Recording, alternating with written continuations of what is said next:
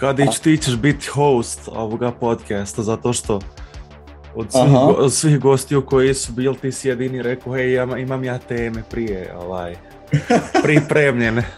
Tako da ti, ti ćeš biti host, a ja sam kod tebe došao u gostovati podcast. Tako da Aha. izvoli, izvoli. Sad sam ja, dobrodošli u Ministarstvo podcasta.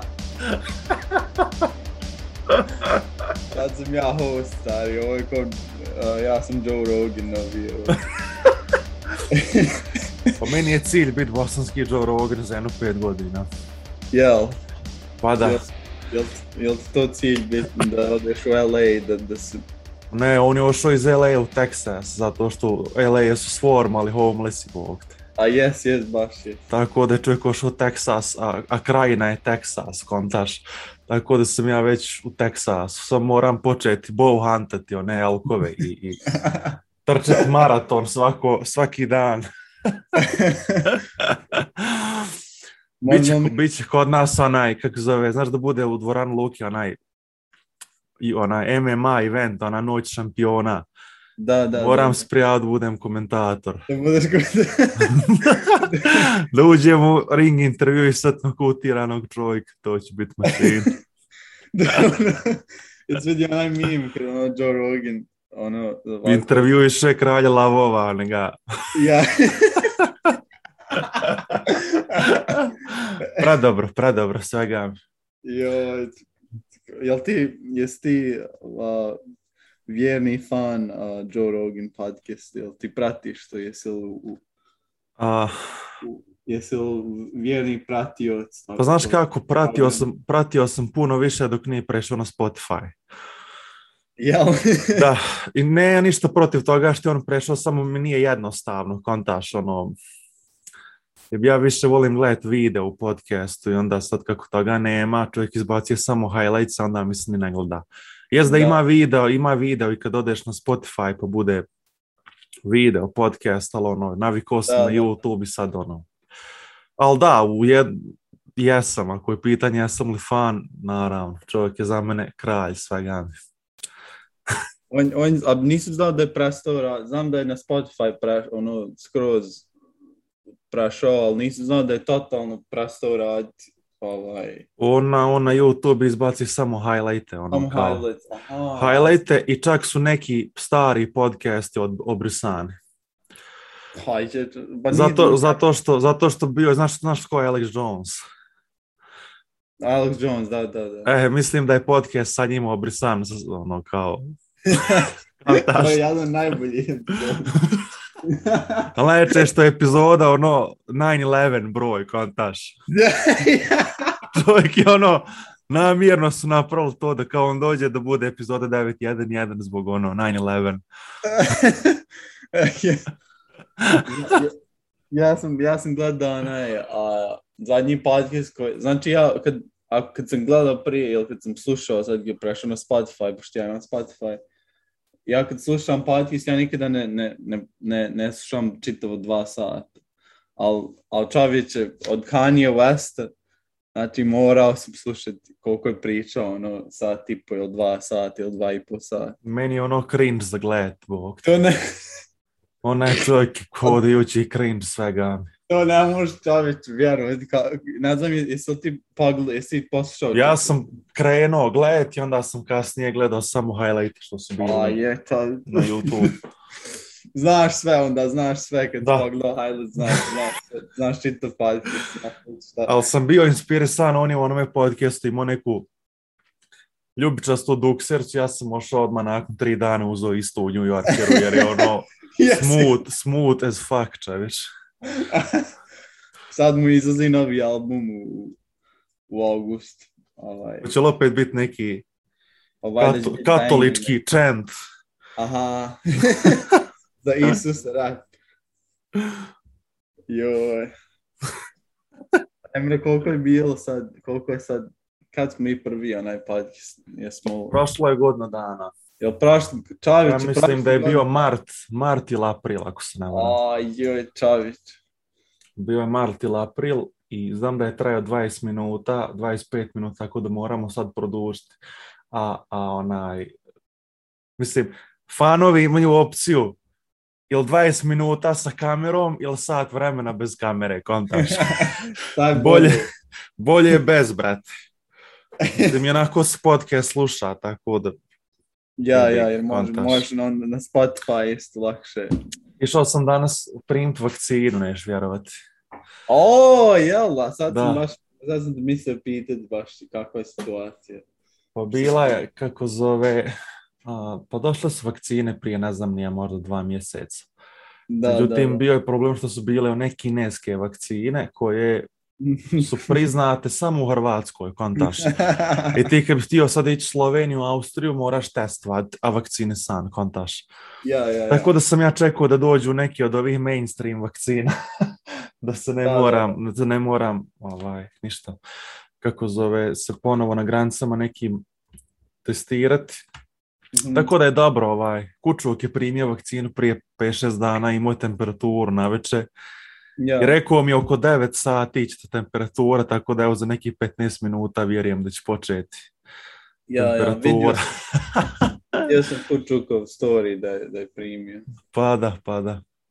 I eto, tako išao je mir za sa mnom danas, ono, primili vakcinu, pa tamo u septembru moramo drugu. mhm. Najveći mi je razlog što sam kupio karte za Gožiru, znaš. Čavice. I onda moram ići, ono, treba mi test da pređem preko granice. Mislim, ono, ja se nadam da se koncert neće otkazati zbog ovih mjera i ovo sve, jer, jer će biti zima, pa ne znam kako će biti. Ali eto, ako bude koncert, ne, neće morati zajebavati sa testovima, nego će imati onaj papir za vakcinu. Jel ideš u Zagreb ili u Austriju? U Zagrebu je koncert. U Zagrebu, a, da, U da. Zagrebu, s- kako sad stvari stoje, idemo Mirza i ja, moja i njegova djevojka. Opa! A moja djevojka ne sluša metal nikako, ona to ne konta. Ali, znaš šta je fazon? Kupili smo, tipa, danas je, na primjer, objavili su oni da je dolazi Gožira u Zagreb, znaš, danas. Ja, I ja, tipa, karte su preko sutra u prodaji od 11. Ja i Mhm. Mirza odemo kod Ačija, znači sa laptopom, 15 do 11, refreshamo F5 strancu, onaj, F5 pritišćemo na onom stranci se kupio karte da stignemo, kontaš. Ja, ja, ja. I onda smo kupili karti i braća su objavili ovako da je sutra ujutro, nakon 24 sata, pola karata rasprodano. I onda je nakon, ovako odmah isti dan, je Mirzana cura se javila meni, odgovorila na story, ej, išla bi ja da mi kupi kartu. I onda je, ovaj, sam ja morao svoju djevojku pozvati jer ne mogu ljudima čuvat svije, držat svijeću kontaš. Kaže, pa ne znam ja pjesme. Pa nije ni bitno, brate, naučit ćeš, ima, ima, Naučit ima do januara, naučit ćeš svirat ako treba, ne samo pjesme. Tako da jedva čekam, to me se baš radujem. Dvije su predobre predgrupe, ovaj, znači, ljudi se zovu, imaju prejake, imaju prejake imena. Ljudi se zovu, jedni se zovu Employed to Serve, a ovi se jedni zovu Alien Weaponry. I ova braća Alien Weaponry su kao sepultura, ali su oni braća nas sa Novog Zelanda, oni Maori, kontaš, pjevaju na onome jeziku. Da, da, da, da. da, da. Brutalno, dobro, svega. A ovi vamo su nakon neki hardcore, employed to serve, neka ženska pjeva. Tako da bit će dobro, je, jedva čekam, fakat. Samo eto kažem, i, ono, nadam se da, da, da neće biti koncert otkazan. To što, je, ja. što je lako moguće, kontaš. Da, pa sad kažu kao ono govore, kao sad svi govore, aj, bit će četvrti talas, bit će, bit će zbog delta ovaj, varijacije ove virusa, kao bit će, bit će novi talas, morat Znaš će... šta je najjača stvar?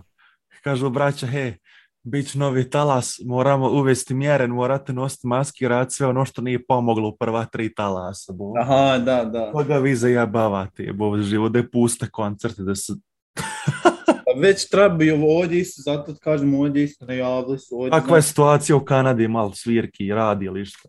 Pa im, pa sad kažem, sad, sad u, u kao od, od septembra već trebaju početi neki, ono, veći ljudi, mi trebali su početi koncert, sad, sad ni, nisu sigurni, pa ne znaju šta će biti. Ono, ovdje, ovdje, ono, 20, 80% stanovništva uh, vakcinisano drugom dozom, tako Da. da, ono, nije problem neki imati koncert od... od Jesi ti primio vakcinu? Da, što sam oba dvije doze, stari. Šta sam to krenuo reći? Ko, koja je, koja je vakcina? Pfizer, Pfizer. Pfizer, svaka čast. Ja, a ovaj... Jesi imao temperaturu? Pa sad sam to krenuo reći, po, prva, prva, znači prva ništa, ono meni prva ovaj, malo ono nešto uh, ruka bol, ali stari druga kad te udri, Jel još kažu, još ti kaže, kaže onaj stari, a, samo budu, budu upozoreni da ćete, da ćete druga jako, ono, biti jako loše. Ja rekao, haj on, bez veze, nešto prije meni nije prva bila.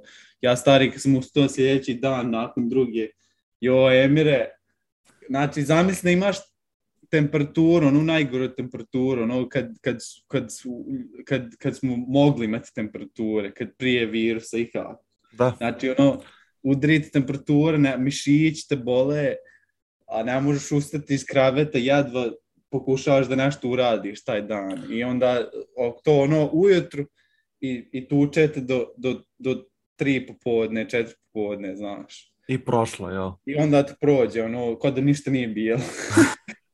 Ja došao na vakcinu, sada ona te ženska pita imaš alergije, imaš li ovo ono. Ma rekao, nemam ništa, brate, došao na vakcinu, ono, de požure.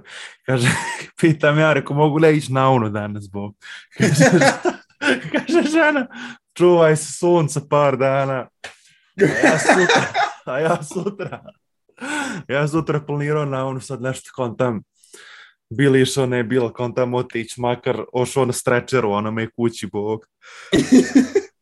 da, te, da te vade čaviće iz, iz vode. E, znači ja sebi hladno osjećam, naj, kačket sa onim kišobranom, tako da bit će dobro. Joj. Pa da, tako sad da...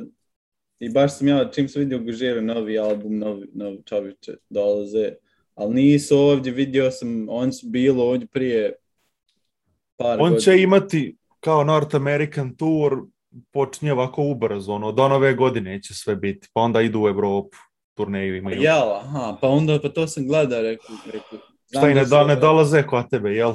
Ne dolaze kao meni, znam da se za Evropu najavilo, ono, Pa, ali... David neđe blizu da možeš otići. U neki gla- grad u blizini. Aha, pa to rekao da mogu, da mogu otići u, nađi u, u piču maternu u, u, u ovaj, Ameriku. Pa on u to? Kanadu, ali ne, onaj, par gradova samo. Na, na, naj, evo, sad gledam, najbliže, najbliže bilo u, u Portland, to je, to je najbliži grad. Pa koliko je to daleko? Šta, pa to je šta je ono, voz, a, voziš 4 sata, 5 sati. Pa isplati se, brate, to je mašina. Pa volio bi sta, a je, čavić. Je, Pa imalo u tvom, u tvom društvu metalaca. Znaš šta, Emre, baš ne, to se krene reći, nema, sta, ne, mislim, ono, ja sam upoznao neke likove. Upoznao sam jednog brata, Pa šta ti, šta ti skater sad slušaju, Bog? Evo, nije ona braća što ih objaviš na storije, šta oni, lo su li on punkeri? Pa nije ono, mislim, ono, svako sluša svako nešto drugačije, ono, jebi ga, ali nema baš ono, da ja dođem s nekim i kažem, e, znaš ti Lamb of God, ono, znaš, hoćemo poslušati koji album, hoćemo, znaš, ono, bit hyped up, a, ono, ima, kad sam- upoznao sam jednog metalca, lik ima kos, ono, ko ti u, u, u, U srednjoj. Do, I to još ono plavo kasa. I ono lik malo čalovi, znaš, ono naprijed. To iskustvo, Bog. Brat ima ono Tourette, Tourette, znaš, onaj sindrom. Ali ono, al, al dobar je lik, ono, ka, ko im god band kažeš, znaš, Zna sve živ. on zna sve banger, ono, znaš, znaš, jo, kaže, to je to, ja to men, ovaj, stari, ja sam bio, ja se sjećam 2007. godine, ja sam bio svojim tatom, moj tato metalac. A koliko Ovaj, čovjek mi- ima godina? Pa imaš, malo je, šta ja znam, malo je starija od nas, možda ono, a, 28 ili 29 ili tako Da, da, nešto. da. Ali ovaj, da, on je jedini ono koji sam upoznao, on nije skater, on je neki random lik od, od, moje cure, neki prijatelj, pa sam njih upoznao. Ali nema baš neko da sad dođem kažem, joj, brat, ham, ham dan slušat Lamb of God, ham slušat. A znaš kako to ide, brate? Ja, na primjer, slušala tvoja cura metal. Jel? Dođe moja cura da kakvi čovječ. to je njen žanr je EDM, ono, Brate, samo dođeš, kupiš dvi karte i ne, ne možeš reći da neće. ne može reći da Sam kar, brate, idemo, nema. To ja kažem joj, ja kažem, ja, ja ošit sa mnom na, na, na koncerte ovdje, ja idem, ja odem, niko neće da ide sa mnom koncert, ja uzmem kartu za, za bilo šta, ono, ako dođe neki band ili neki lokalni band ili nešto i odem sam, znaš, poslušam band. Bude, ispostavi se da bude neki dobar band koji ja nikada nisam čuo i ono imaju dobru pjesmu, znaš. Ali onaj, to, to kažem, da kupim karte, ono ne može reći ne, znaš, idem A to mala. je to. Idem Ne, nema zajebavanja, nema zajebavanja. Znaš šta ja bi volio slušati, poslušati Alice in Chains uživo. A, je čovječ. To je meni jedan najdražih bendova, čovječ. Alice Ne, meni su, meni su, na primjer, Metallica, ne, nećemo Metalliku ubrajati, oni su za mene nešto, oni su za mene institucija. Ali, na primjer, Gožira, to te napravilo metal. pa naravno, ali evo, Gožira, Gožira, Alice in Chains, Lamb of God, to za mene Holy Trinity bendova, bo. Ja, ja, definitivno. Svega, mi, barem meni lično, ono, ljudi ubiše brašno jebo. Na, na šta sam ti mislio pitati, jesi čuo za band Paul, Paul Bearer? Ne. P-A-L-B-E-A-R-E-R. Poslušaj taj band. To ti je... A, i čuo jesam, ali al, ne znam šta, šta sviraju ljudi. A oni su ti ono... A, a, a, a, progresiv, znaš. Da, da, da. Progressive metal. On, on, meni, me, ja nisam znao za njih, meni je ovdje jedan ovaj lik su pokazao ovaj... Slušaju li Kanadjani Rush? neko, pa neko od njih, neko od njih, neko, neko ne sluša. To je kod divlje jagode, bog te, Luka. Pa da, kod... yes. Ja, ja, da, lokalni, ovaj. Ali ne znam baš, nisam nikada se bacio u, u ove lokalne, znaš, nisam, ni, a znam, znaš, znaš za band ovaj, kako se zove, Three Inches of Blood. Čuo, ja sam čuo za sve, ali ne znam. E, oni su, oni su čovječ, oni su iz, iz odavde, oni su od- iz, Afga, mislim, tu u Vancouveru, ali na, na, na Islandu, ali nešto se zove Victoria, oni su tu odmah dva sata od Vancouvera, znaš. I Aha. Oni su, oni su baš, baš, baš popularni, oni su već ono od 90, od 99 do 98 sviraju muziku, ili tako nešto. Ali, ovaj, da, uh, čekirajte band, čekiraj Three Inches of Blood, Paul Bear. Čekirajte, čekirajte onaj. Here comes Kraken, bog. Here comes... Aj, bože mili. Sjećaš se kako zove ona pjesma? A joj, a... The Legend of Friends was way too hard. mi, mais I am in a burnout por estava. Breakdown starīgi. Nē, nē, mēs esam burnout spurs, to tipa. Top 10 most brutal breakdowns. Ja sam malo bendova otkrio na vjeronauci. Ali kako se zvao, ne bi naš, naša ne praksa, brat. Ne znam, ali znam na koga misliš. Aj, znaš kako im čovječ, aj. Vidio ga ja juče u Bingu, bog sa ženom.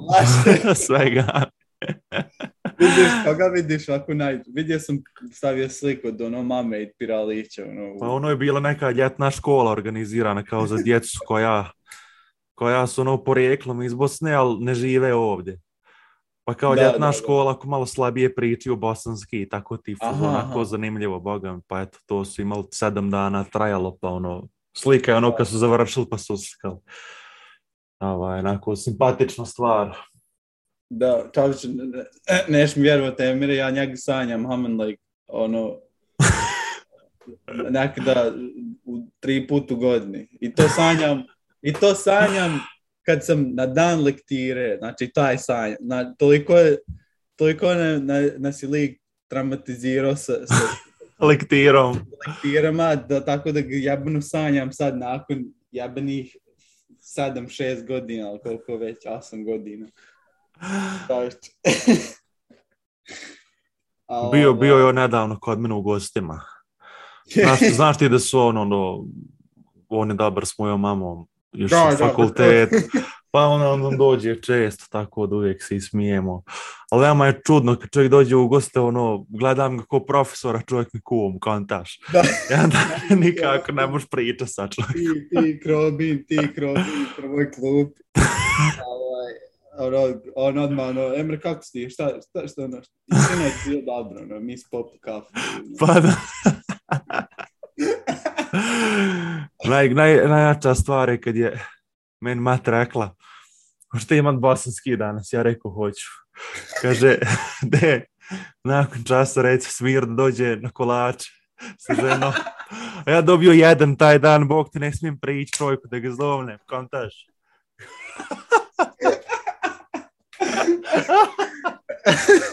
Na kraju sam, na kraju sam uspio, na kraju sam našao snage za to.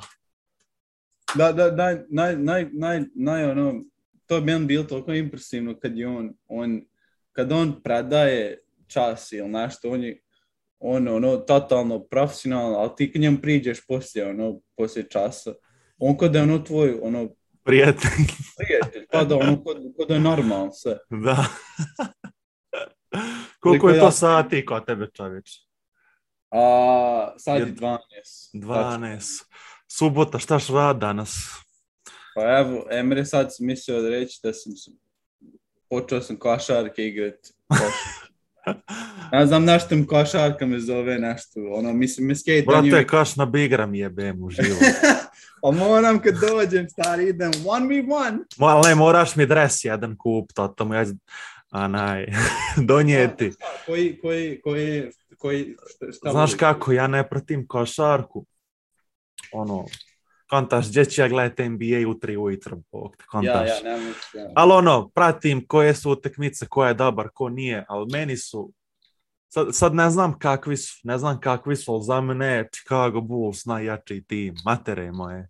A, pa mene uvijek će meni bit, uvijek će meni bit klasika, ono, naj, Ba, baš naj- zato što je klasik, kontaš. Ja, Ko kad slušaš Led Zeppelin, a ima Mešuga, kontaš, ima Da. Gožiral, Led Zeppelin je Jordan, kontaš.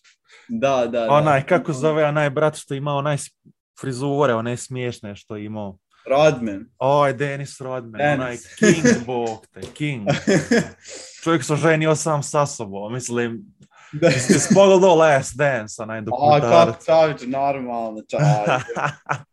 Moraš to, obavezno. Evo, ono je mašina, svega. Pa ideš, ideš na Bigram. Vidim da su renovirali, napravili ono... mislim, Jesu renovirali neki majmuni došli ovako za dva dana, proli boju po terenu, pokvarili sve živo. I onda, I onda viču ljudi, ovo su migranti uradili. Migrant nema da kupi dvi kifle, seba kamol kantu, boje, bog te, dao.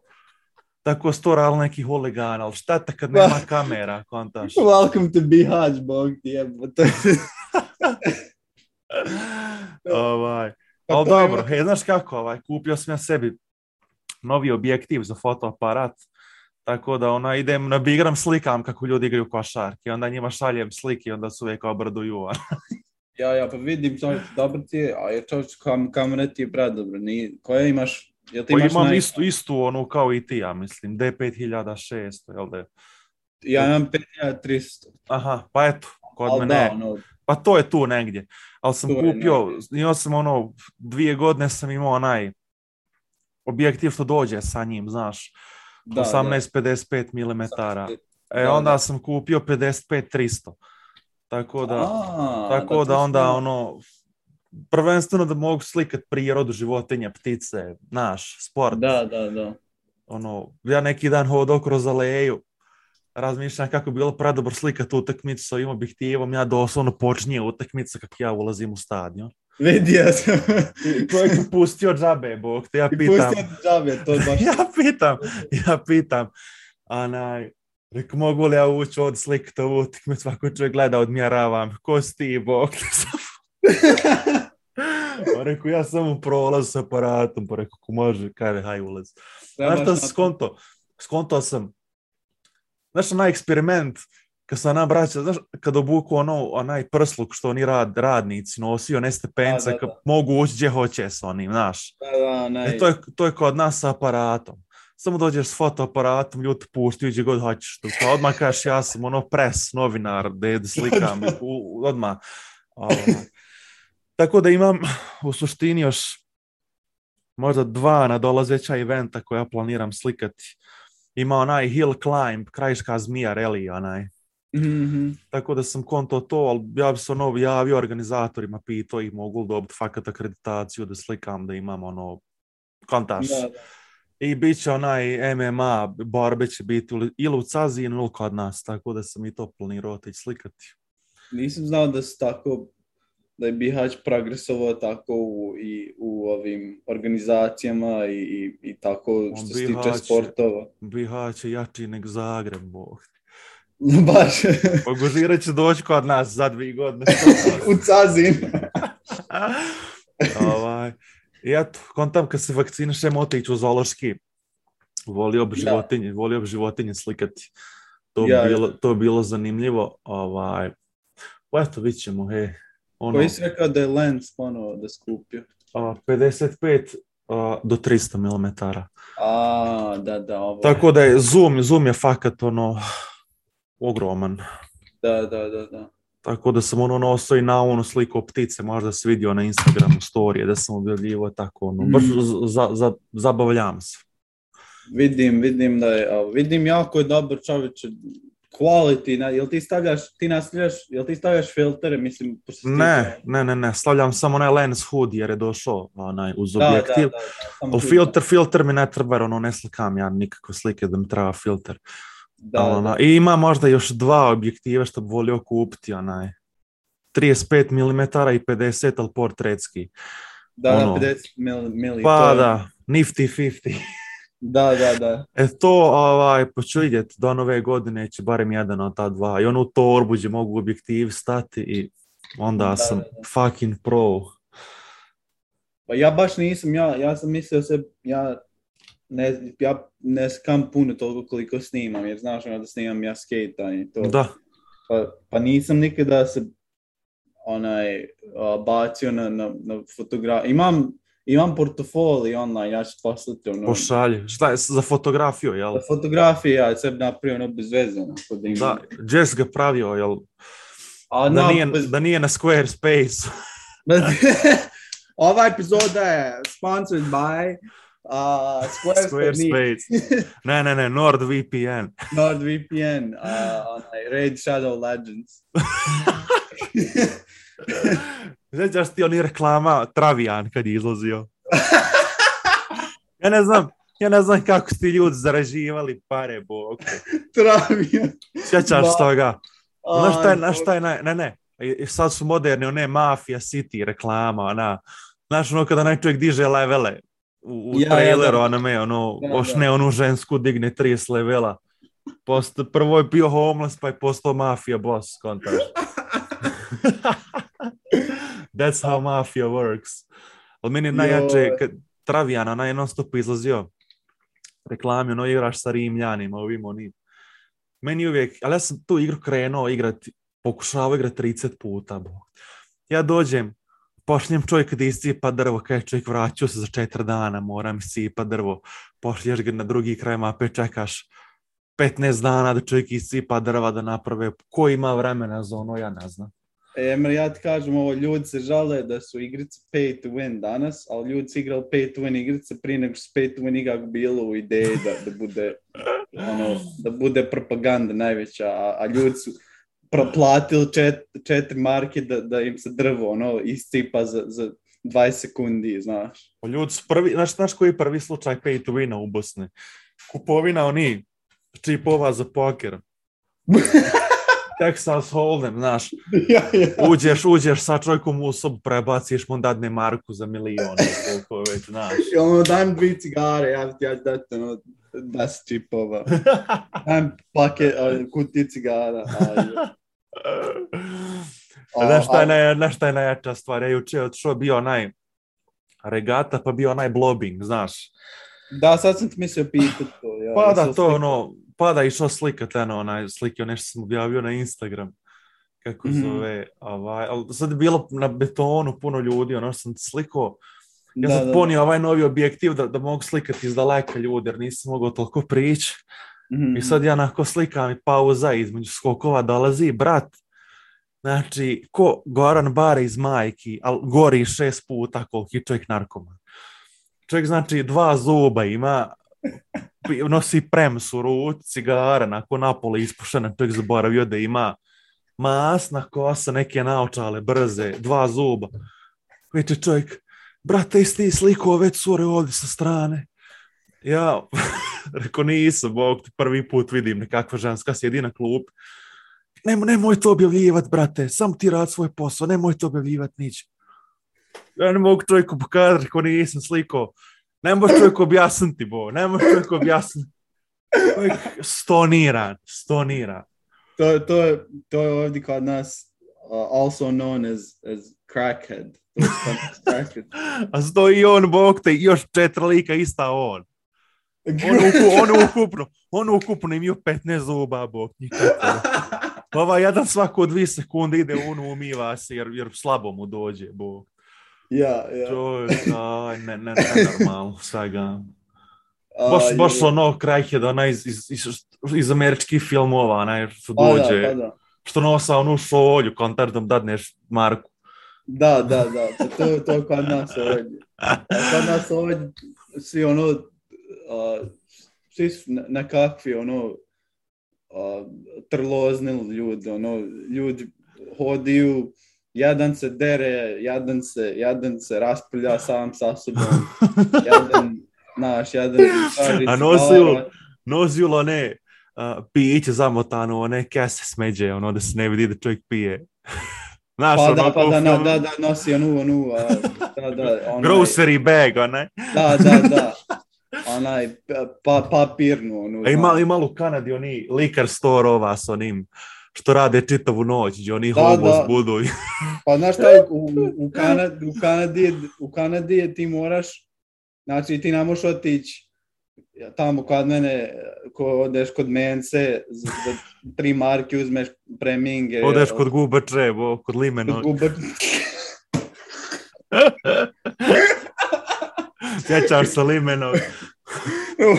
Mi stalno ajmo kod gubače, a uzmem buću jednu i, znaš, Znači nema toga, jel? Ne, ne, ovdje direktno, znači ovdje direktno imaš, znači ove privatne um, liquor store, on to, znaš, liquor store imaš, imaš od government, zove se kao BC liquor store, znaš. Da, da, da. U, government ovaj što on drže, to tamo kad odeš tamo je piće jeftinije, ali privatni, tamo odeš kod njih kupiš jebnu onu uh, uh, pivo od litru i po, ili već šta, ono, već je dva dolara, znaš, više. da. Pa koja je I- razlika, mislim, ono...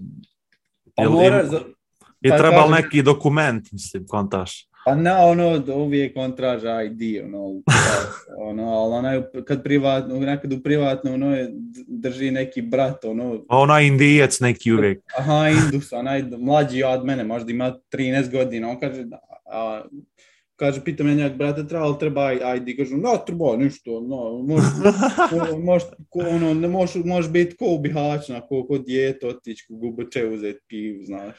Bude li pljački, kad ono, kod bude li ko u filmovima, one pljačke u tim liquor stores. GTA, ono,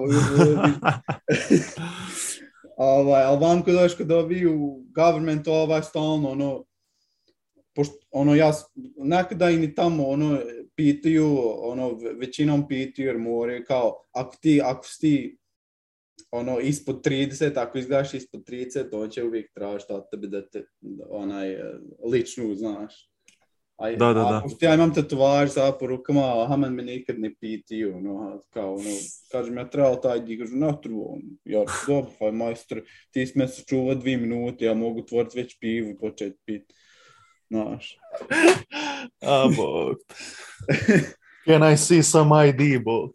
Aha, uvijek, i to, i to dvije, ovdje, ono, zakon u Kanadi, ti moraš dvije pokazati, znaš, lično imaš, imaš on, ovdje, ovdje, znaš, ono, ka, kod nas, kod nas jedno lično je Sve ono, živo. sve živo, ovdje ono imaš za sve čovječe, za, za, za, za, za, ovaj, za osiguranje, za, za, za vozačku, za ličnu, za, za ono, da, sve da. živo.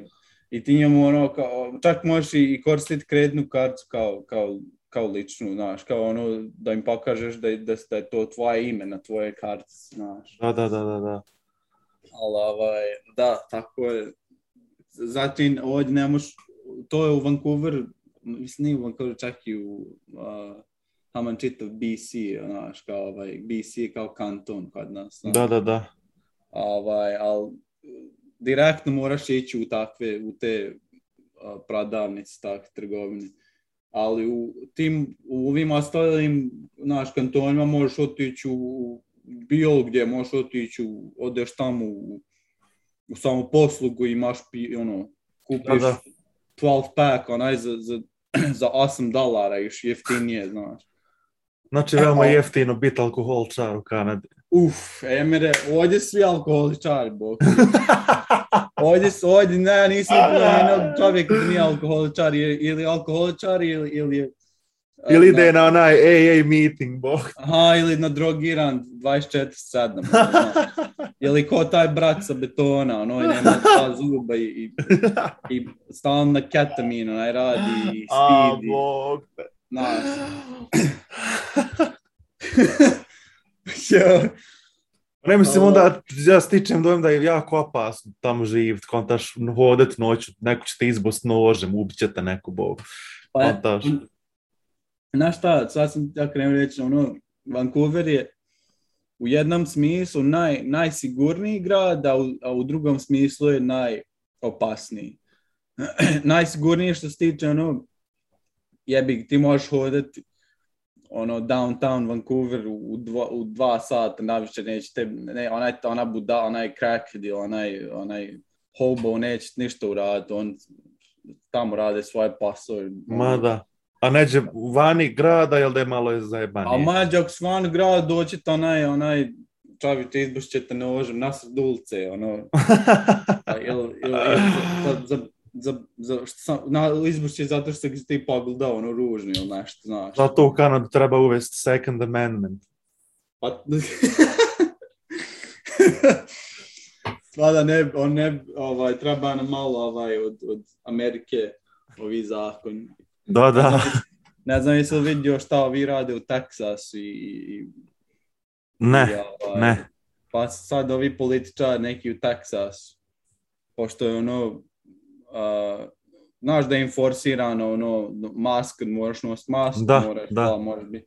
Sad ovi, ovi političari, ono kao, ono, zabranili ste zakone, ono, otkazali su i zato što su, zato što su iz jebenog Teksasa Pa tamo ne smije niko ništa, bog. gdje su sve seljačine i psi pucaju pištoljima, bo, te, ovaj, i, i, i shotgunima i, i sad on, kao ono, nije, nije obavezno nositi masku u školama, nije obavezno masku to, ne moraš biti vakcinisan. I onda se on piti zašto imaju ono, 7000 slučajeva u, u tri dana, znaš. Jebi ga, to je freedom, kontaš. Pa da, Freedom America, ono. Ja sam ču, men, ovaj, men, meni je Nela, Nela, ovaj, cura, rekla, ovaj, ona zna jednog lika što se preselio iz Kalifornije u, u Teksas. I sad, sad ovaj, oni Teksas, ljudi, on, on mrze kada ovi ljudi iz Kalifornije dolaze, jer su on, znaš, tom drugačija kultura, drugačiji ljudi, svi ono žele biti jebeni superstar, celebrity, ono, znaš. Da, da, da. I sada, i znaš da je u, L- u, Los Angelesu, ono, uh, kad voziš uh, u auto na, na, na autoputu, znaš da ima ono šest različiti, a, znaš, lenova da, i da, da, da, uvijek, uvijek je ono, uvijek Gužva za- nekako. Gužva, da, uvijek gužva, ne možeš ono, dođeš kući sa pasa za, za četiri sati, iako živiš, ono, taj ja znam, blizu. I sad ovaj, on njega upozoravio neki ljudi kao nemoj biti nemoj voziti tamo kako voziš, ne možeš voziti u Kaliforniji kako voziš u, u ne možeš voziti u Texas kako voziš u Kaliforniji, ali kao ono road rage, znaš, ljudi. ali kao road rage, to nije road rage, ono da ti, da izađe brat i ono kaže, hajmo, hajmo se tuđ, znaš. Ovaj Nek brat izvadi izađe, kalaš odmah. Izdi kalaš, izdi hunting rifle, ona iz, iz Fallouta, iz, iz, iz, iz javnog gapake i hoće da te ubije. I to se baš desilo, ljudi su umrli tako, neki ljudi su ubijeni u road rage, znaš. I, i sad, sad ovaj lik govori njegov iskustvo kako je sa, sa tim, kao mora voziti jako oprezno, ne smije, ne smije nik, mora puštati ovim kamionđima stalno da... Je- Znaš, On i im još onaj- shotgun iz posica, bog. Aha, I to nas najkratki, presječani shotgun, ko iz Duma, ono. Pa- da, da. I sad ne, ono, moraš biti oprezan kad tamo, ono, jer, jer nije, ono, kao Kalifornija, nisu ljudi svi isti, znaš, dok drugačiji su Texas, ovi kauboji i, i znaš, Da. i, i što se tiče... Rednecks. Rednecks, pa da. Da mi reći čim se ti baviš. Jel se Pa- promijenio posao ili isto što si prošle godine? Nije, ja sam, ja sam, zna, na, znaš, onda sam ti ja rekao da sam ja radio u, u teatru i na koncertima, Da. ono, duže vrijeme, dok nije sve pandemija uništila čitav naš koncert i teatr. I onda ja sam, ja sad radim u filmu, znaš, ja radim kao a, scenograf. Da, da, da, svaka Znaš, ja, čast. ovaj, ovaj, da, radim ono, kao mene nije, ono, kao mene posao nije, pošto kod nas ima union i onda ono ti sa unionom i onda on ti daju posao, on te zovu da ti radiš.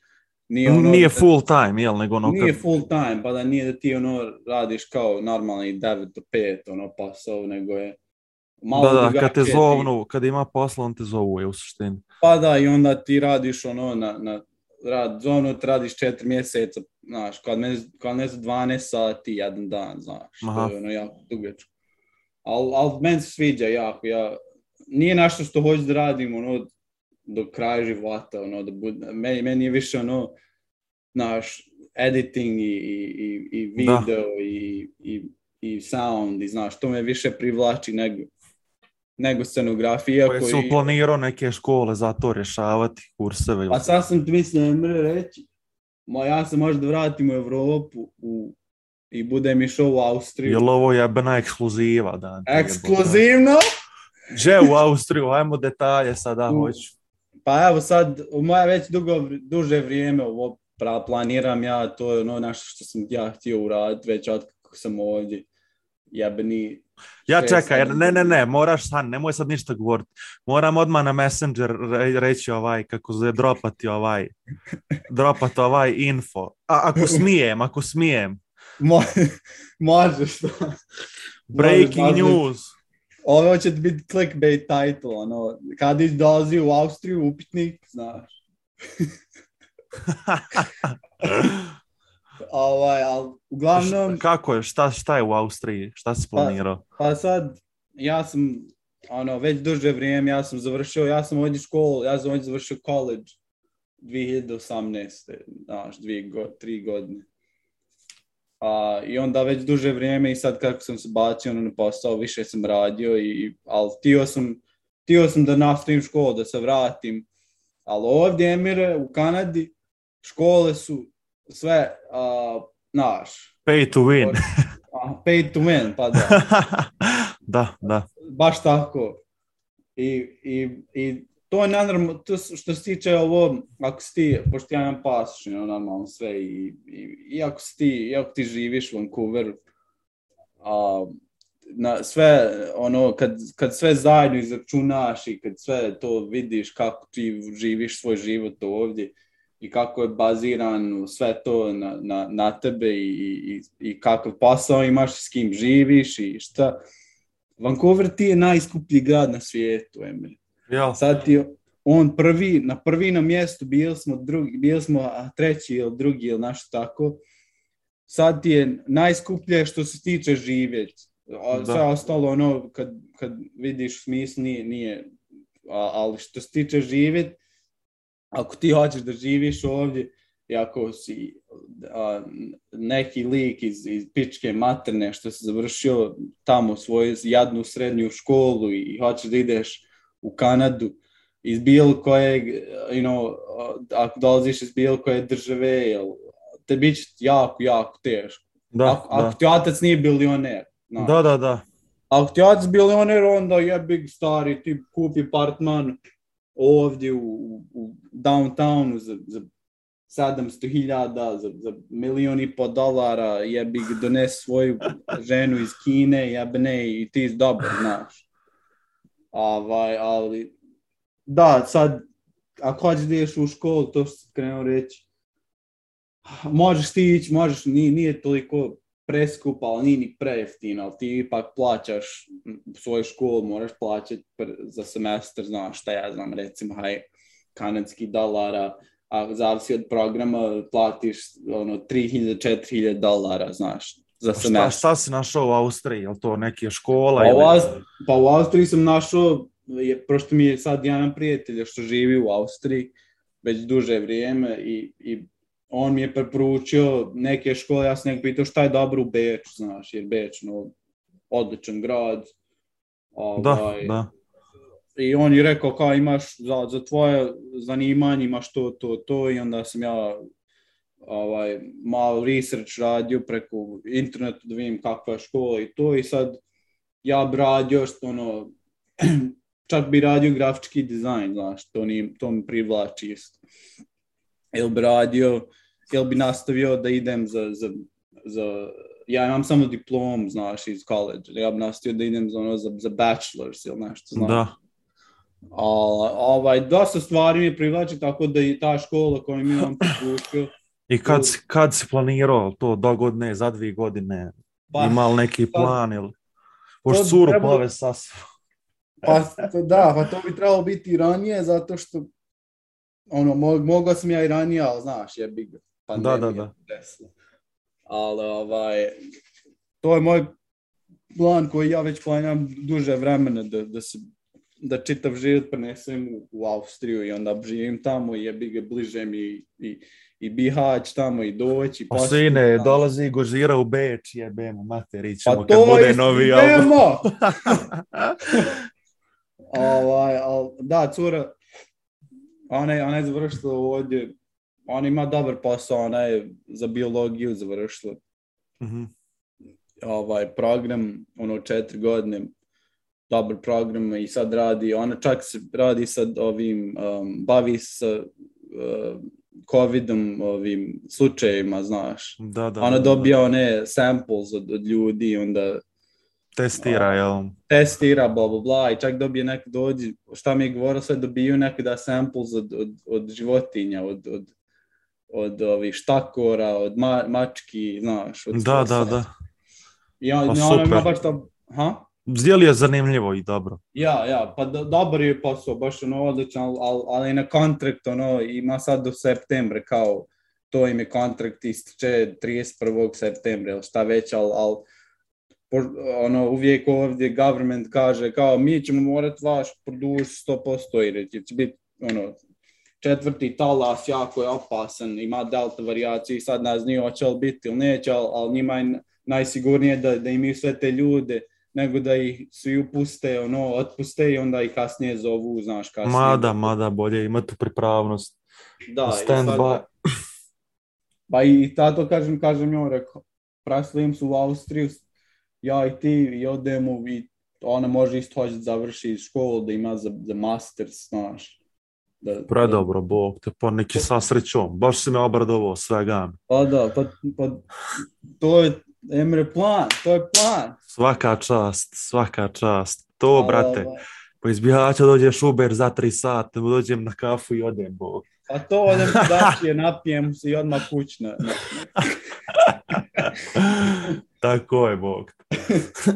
Ne, ti si rekao prije početka da imaš teme pripremljene. Slušam. Da, mi- mislio sam treći. Ova je zanimljiva tema. Započnemo. Jel, da je clickbait Kako neki da mogu. Kako smo ja i Emir izmislili gamersku noć i historije snimanja na, na YouTube a, BMG.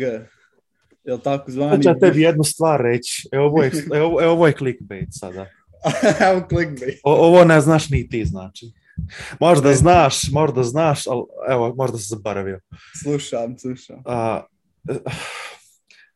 znaš da kad je, kad je Minecraft tek izašao, onaj, bilo je puno onih kako napraviti kuću, kako pokrenuti, znaš ono, znaš, Da, kako da. preživljavanje, tutorial. E, Da, da, da, da. nije, nije bilo, ja sam stalno gledao one, kako zove, na engleskom ljudi objašnjavaju, kontaš. Da, da. Nije, nije bio niko na našem. Mhm, mhm. I ja rekao, ja probat kontaš. Onaj, probat ću ja biti, ono, da ja da napravim tutorial na našem da objasnim sve ovo. Ja, ja, I ja napravim video ovako 10 minuta, možda sam ja čak bio, pa ko možda prvi, srednji, drugi, ne znam sad taš. Nije ni Mhm. bitno. Ja napravim video onako kako preživljavati part jedan, znaš, ono, moraš cipat drva, moraš, znaš, ono. Fun fact. ja, ja, ja renderujem video, objavim na internet, objavim na YouTube. Ja dođem za tri dana na video, 800 pregleda, bog te. Ja se prepadnem i izvršem video. Zato što sam konto sin, ako krenem ovako, postaću kontaš prepopularan, ne mogu ja to. Tako da sam ja zamalo, kontaš, mogao sam sad biti, ono, Jeff Bezos, razumiješ? Da, ti si mogao biti onaj, Svemir sada. aha, u svemiru letit na, u penis, Tako da- tako penis da- roket. Tako da to je ovaj moj, moj sad story o YouTube karijeri. To nisam znao, Emre, to je, to mislim da ni to nikada nisi rekao. Ono, Pa ono, možda, možda se nismo družili, možda kontaš, ne znam sad, možda, ne, znam, ne znam detalje, ali to je tako bilo, ako bilo je 700-800 pregleda doslovno za dva i po tri dana. Jer kontaš, o neki idare ne znaju engleski, bog te, morat će Da, podat da. na našem. I onda je Da, moj da, video da. bio ono, ili, ili jedini, ili, ili među prvima, kontaš. I onda su nakon toga svi krenuli, šta ja sad, ne mogu ja sad 2021. i reći, hej brate, idem u preživljavanje Minecrafta da vas učim, kad ljudi imaju doktorate u Minecraftu, bog. Ljudi, ljudi prave kompitere u Minecraftu, sad ja učim kako se cipa drvo, onda. pa je, mogu negdje se započeo i to je ono, u toj godini bilo aktivno, to, je, to su ljudi jako puno radili i, i već su ulagali sve u to i, i u Minecraft i koliko sad Minecraft je postao popularan preko, preko ovih godina i vratio se na trendingu i to bi bilo nenormalno, ono, tvoj kanal 100% bio ono, tamo, tamo. Međutim, bolje, bolje je praviti underground gamerske noći nego mainstream Minecraft. Ili Nego, tako? Pa čekaj, brate, kad dođeš u Austriju morać biti epizoda onda jedna. A Mislim, ka, realno, kontaš, realno, moglo bi se snimiti ovako, ali nije to to. Nije Fakat, to to, ne, da. fakat nije to to, ovaj. Ali Mm. kad, kad dođeš u Bihać, onda ćeš kod mene doći na obuku iz sim racinga, paš voziti, ovaj. a joj. E, to, to je road rage Evo. onda. To je road rage. E, čak, imam, imam, ča, imam ovaj, Mario Kart na, na, na Switch. Ovaj Nintendo Switch. I možemo, možemo i toga razbaciti. Samo trebamo ono... Imam ja i onaj uh, Crash Team Racing.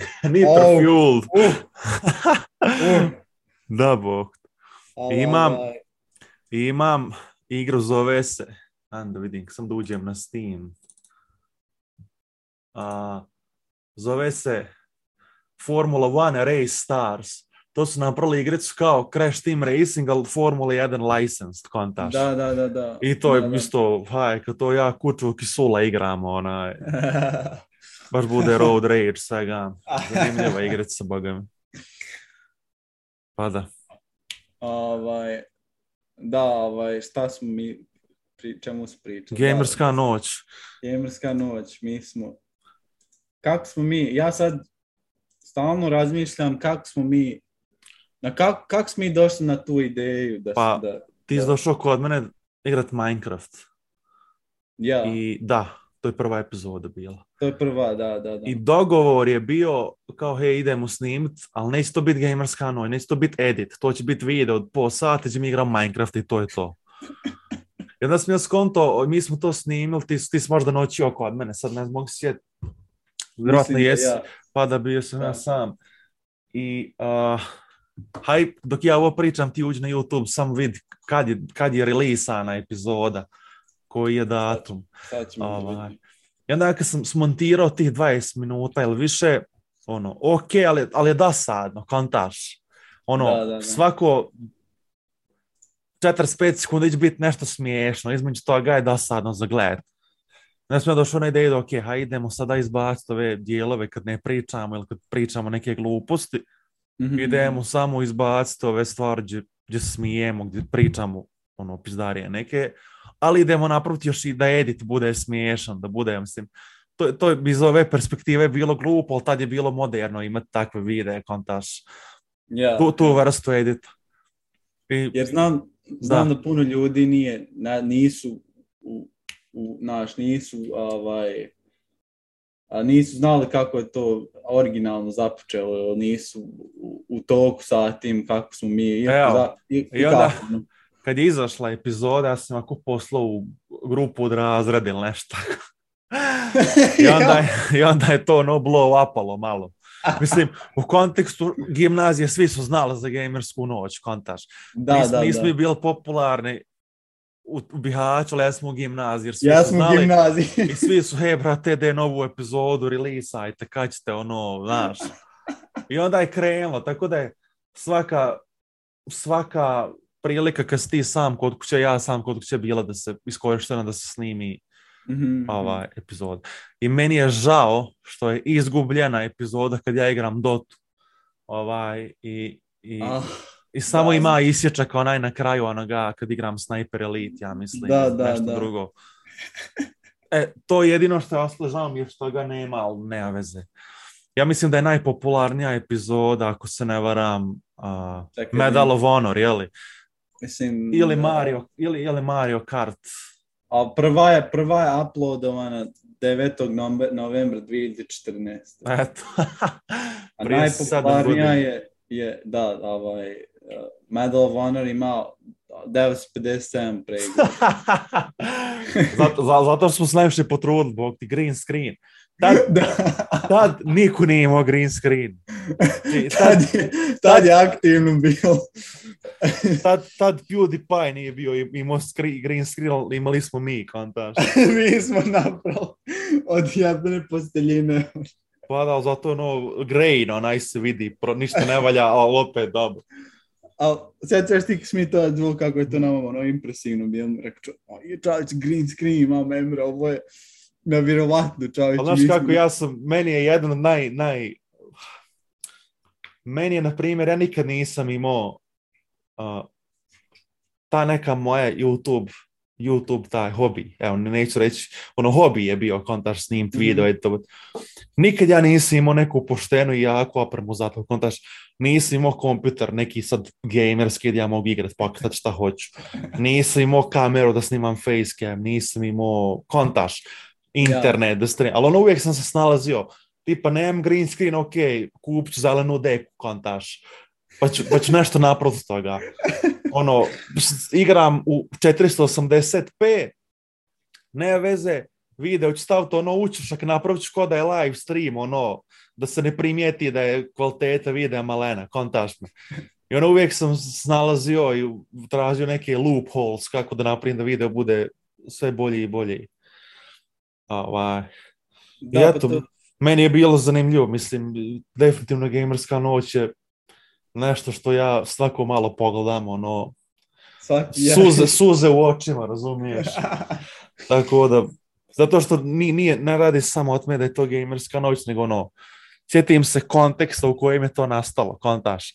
Srednja Da. škola, briga te za sve živo, nemaš nikakvih obaveza, ništa te ne sekira, ništa te ne brine, ideš vani, gejmaš, i ono, posjeća me na ta neka mirnija i lakša vremena, kontaš.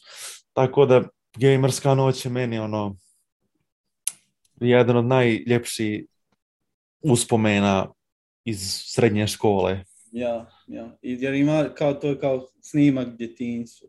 ono. Definitivno, to je ono što djeci Da. pokazivati za 20-30 godina. Ja, I, Pa sad- ali znaš kako je?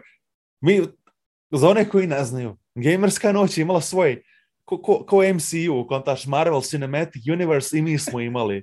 Ono, ponavljali se lik, ono čak Norris je bio lik u gamerskoj noći, u tome univerzum, Ja. kontaš. Moramo napraviti gamerska noć wiki, ono, da staviš, znaš, ono. Definitivno, aj, dobru si ideju napravio. Trebam, brate, remaster napraviti, stati Netflix. 4K remaster. Ovaj, you know, a, Mirza, Mirza se je pojavljivao u nekim epizodima kao, kao onaj, kao Easter egg, easter egg. Čak Norris je ono u trećoj epizodi dropao CD u moju šupu kontaš. Sjećaš toga? Da, kad sam... Da, kad sam snimala onaj silazak dole niz... niz... Ja, ja, ja. A, je, čovječ. Aj, znači, zima, znači ja, ja bi sad rasplakao koliko je to meni dobro, svega. Ta, taj period, to je meni neponovljivo, to se više nikad neće ponoviti, ono, kad te boli kurac, imaš, ono, ja dođem kod tebe u subotu da noći, ono, u ponedjeljak imaš kontrol i nisi učio, boli mi kurac, mon, montiravam epizod Gamerski noć do 7 ujutro. I to ono matematika, ono ponadljak, ono. Da, ja ono idem, idem kući, od tebe u sedam ljudi idu na posao, kontaš, gledaju, viđaju ga, kontaš. Tako da, i samo mi je žao što nismo iskoristili više prilika da snimamo epizode, ali ono, nema veze, nema veze. Ja, a drago mi je što smo, kad sam došao na naljet, da smo snimili dvije, ono, z- z- Da, da, just in case. reper zgrađe. Ra- Pa ne, ona, ona jedna je bila na godišnjicu neku, treću, četvrtu. Da, da, to je bilo, to je zadnja, za rap, ovaj, Pa da, rap- ono, VR, onaj horor. Da, da, da, da. I sjećaš da smo snimili onaj Hearthstone, ali al, na mobitelu igrali. Da, i to je trebalo biti kao video samo za tvoj kanal. Da, nije gamerska Posebno. noć, nego ono kao let's play, jel? Ja, ja. Pa da. Tako da, gamerska noć je ono, Drago mi da, da, da imaš, najviše mi je drago da si sačuvao a, poseban kanal samo za to. Pa da, to je moj stari gamerski kanal gdje ono, sve sam izbrisao osim toga. ovaj, I sam mi je žao bio problem naći opet taj isti thumbnail, jer ne, ne mogu ga naći, kontaš. Taj font, taj font, kontaš. e, drugač, drugačijem font u svakom videu. Pa uvijek je ono malo, ono, off center, kontaš, jer da. Photoscape, kontaš, nemaš template nego uvijek moraš iznova praviti. I uvijek je font, ono, kontrast je na jednom thumbnailu pojačan, na jednom brightness malo. Ne, jednom kontrast. ja. Ali je, pa, e, amateri, mislim, šta da ti kažem. A, jo. Da, ali to mi je, uvijek o tome, raz, razmišljam, jer, jer to sam htio se baciti na tu temu direktno, samo zato što ljudi, nas, nekada ljudi ne shvataju i ne, ne, ne, ne, ne prihvataju koliko truda i, i, i ono, mi idemo, koliko se mi u, u to investiramo i koliko Ba evo, na primjer, ono, ja se sjećam da kad smo, mislim da smo igrali, uh, mislim, ovo, ovo vrijedi za svaku igru. A sjećam da smo kod tebe, ono, uh, kako zove, tipa, da, da bi snimio video, te treba Mm. pola sata. da Ali e, e, al, e, al edituješ ga pet sati. Dok ti ubaciš tranzitione, one, kontaš mi muziku, onda se krešuje, onaj, I čitav program I laga. onda ono laga sve živi jer kompjuter nisu valjali, kontaš. I on, ali onda ga releasaš i odeš na spavanje i ustaneš ujutro, imaš četiri pregleda i dva lajka, ali znaš da ta četiri pregleda nisu tvoja. I da ta dva lajka nisu tvoje to je toliko dobro, kontaš, dobar osjećaj, ono, ej, evo ga, četiri čovjeka su ovo pogledala. Ono, čovjek kad ti u komentar napiše da smo kraljevi, ja ono budem sretan 15 dana. Ja. Tako da, ovaj, Da, pa sve, sve koliko smo, koliko si, posebno, ono, naročito, naročito koliko si ti, jer si ti imao problema direktno sa četvrtom epizodom i naglasio si to u, u Da, zato što, ono, znaš, ono, kad upališ kompjuter, kompjuter odluči da, da ne radi, da, da, da zajebava. I onda fazon je bio da svaka epizoda bude cenzurisana, psovke, i onda sam ja ono odustao, mislim, jer najviše mi je vremena, ne znam, mislim, ono, puno mi je vremena išlo na cenzurisanje psovki i nikad ti to ne možeš uraditi kako treba.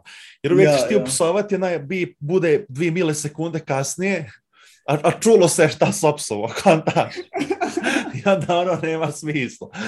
Tako da sam onda budu sto rekao, haj brate, evo ga ide, nek ljudi čuju što fali, onako ono, ni, nigdje ne piše da je Gamerska noć family friendly, kontaš.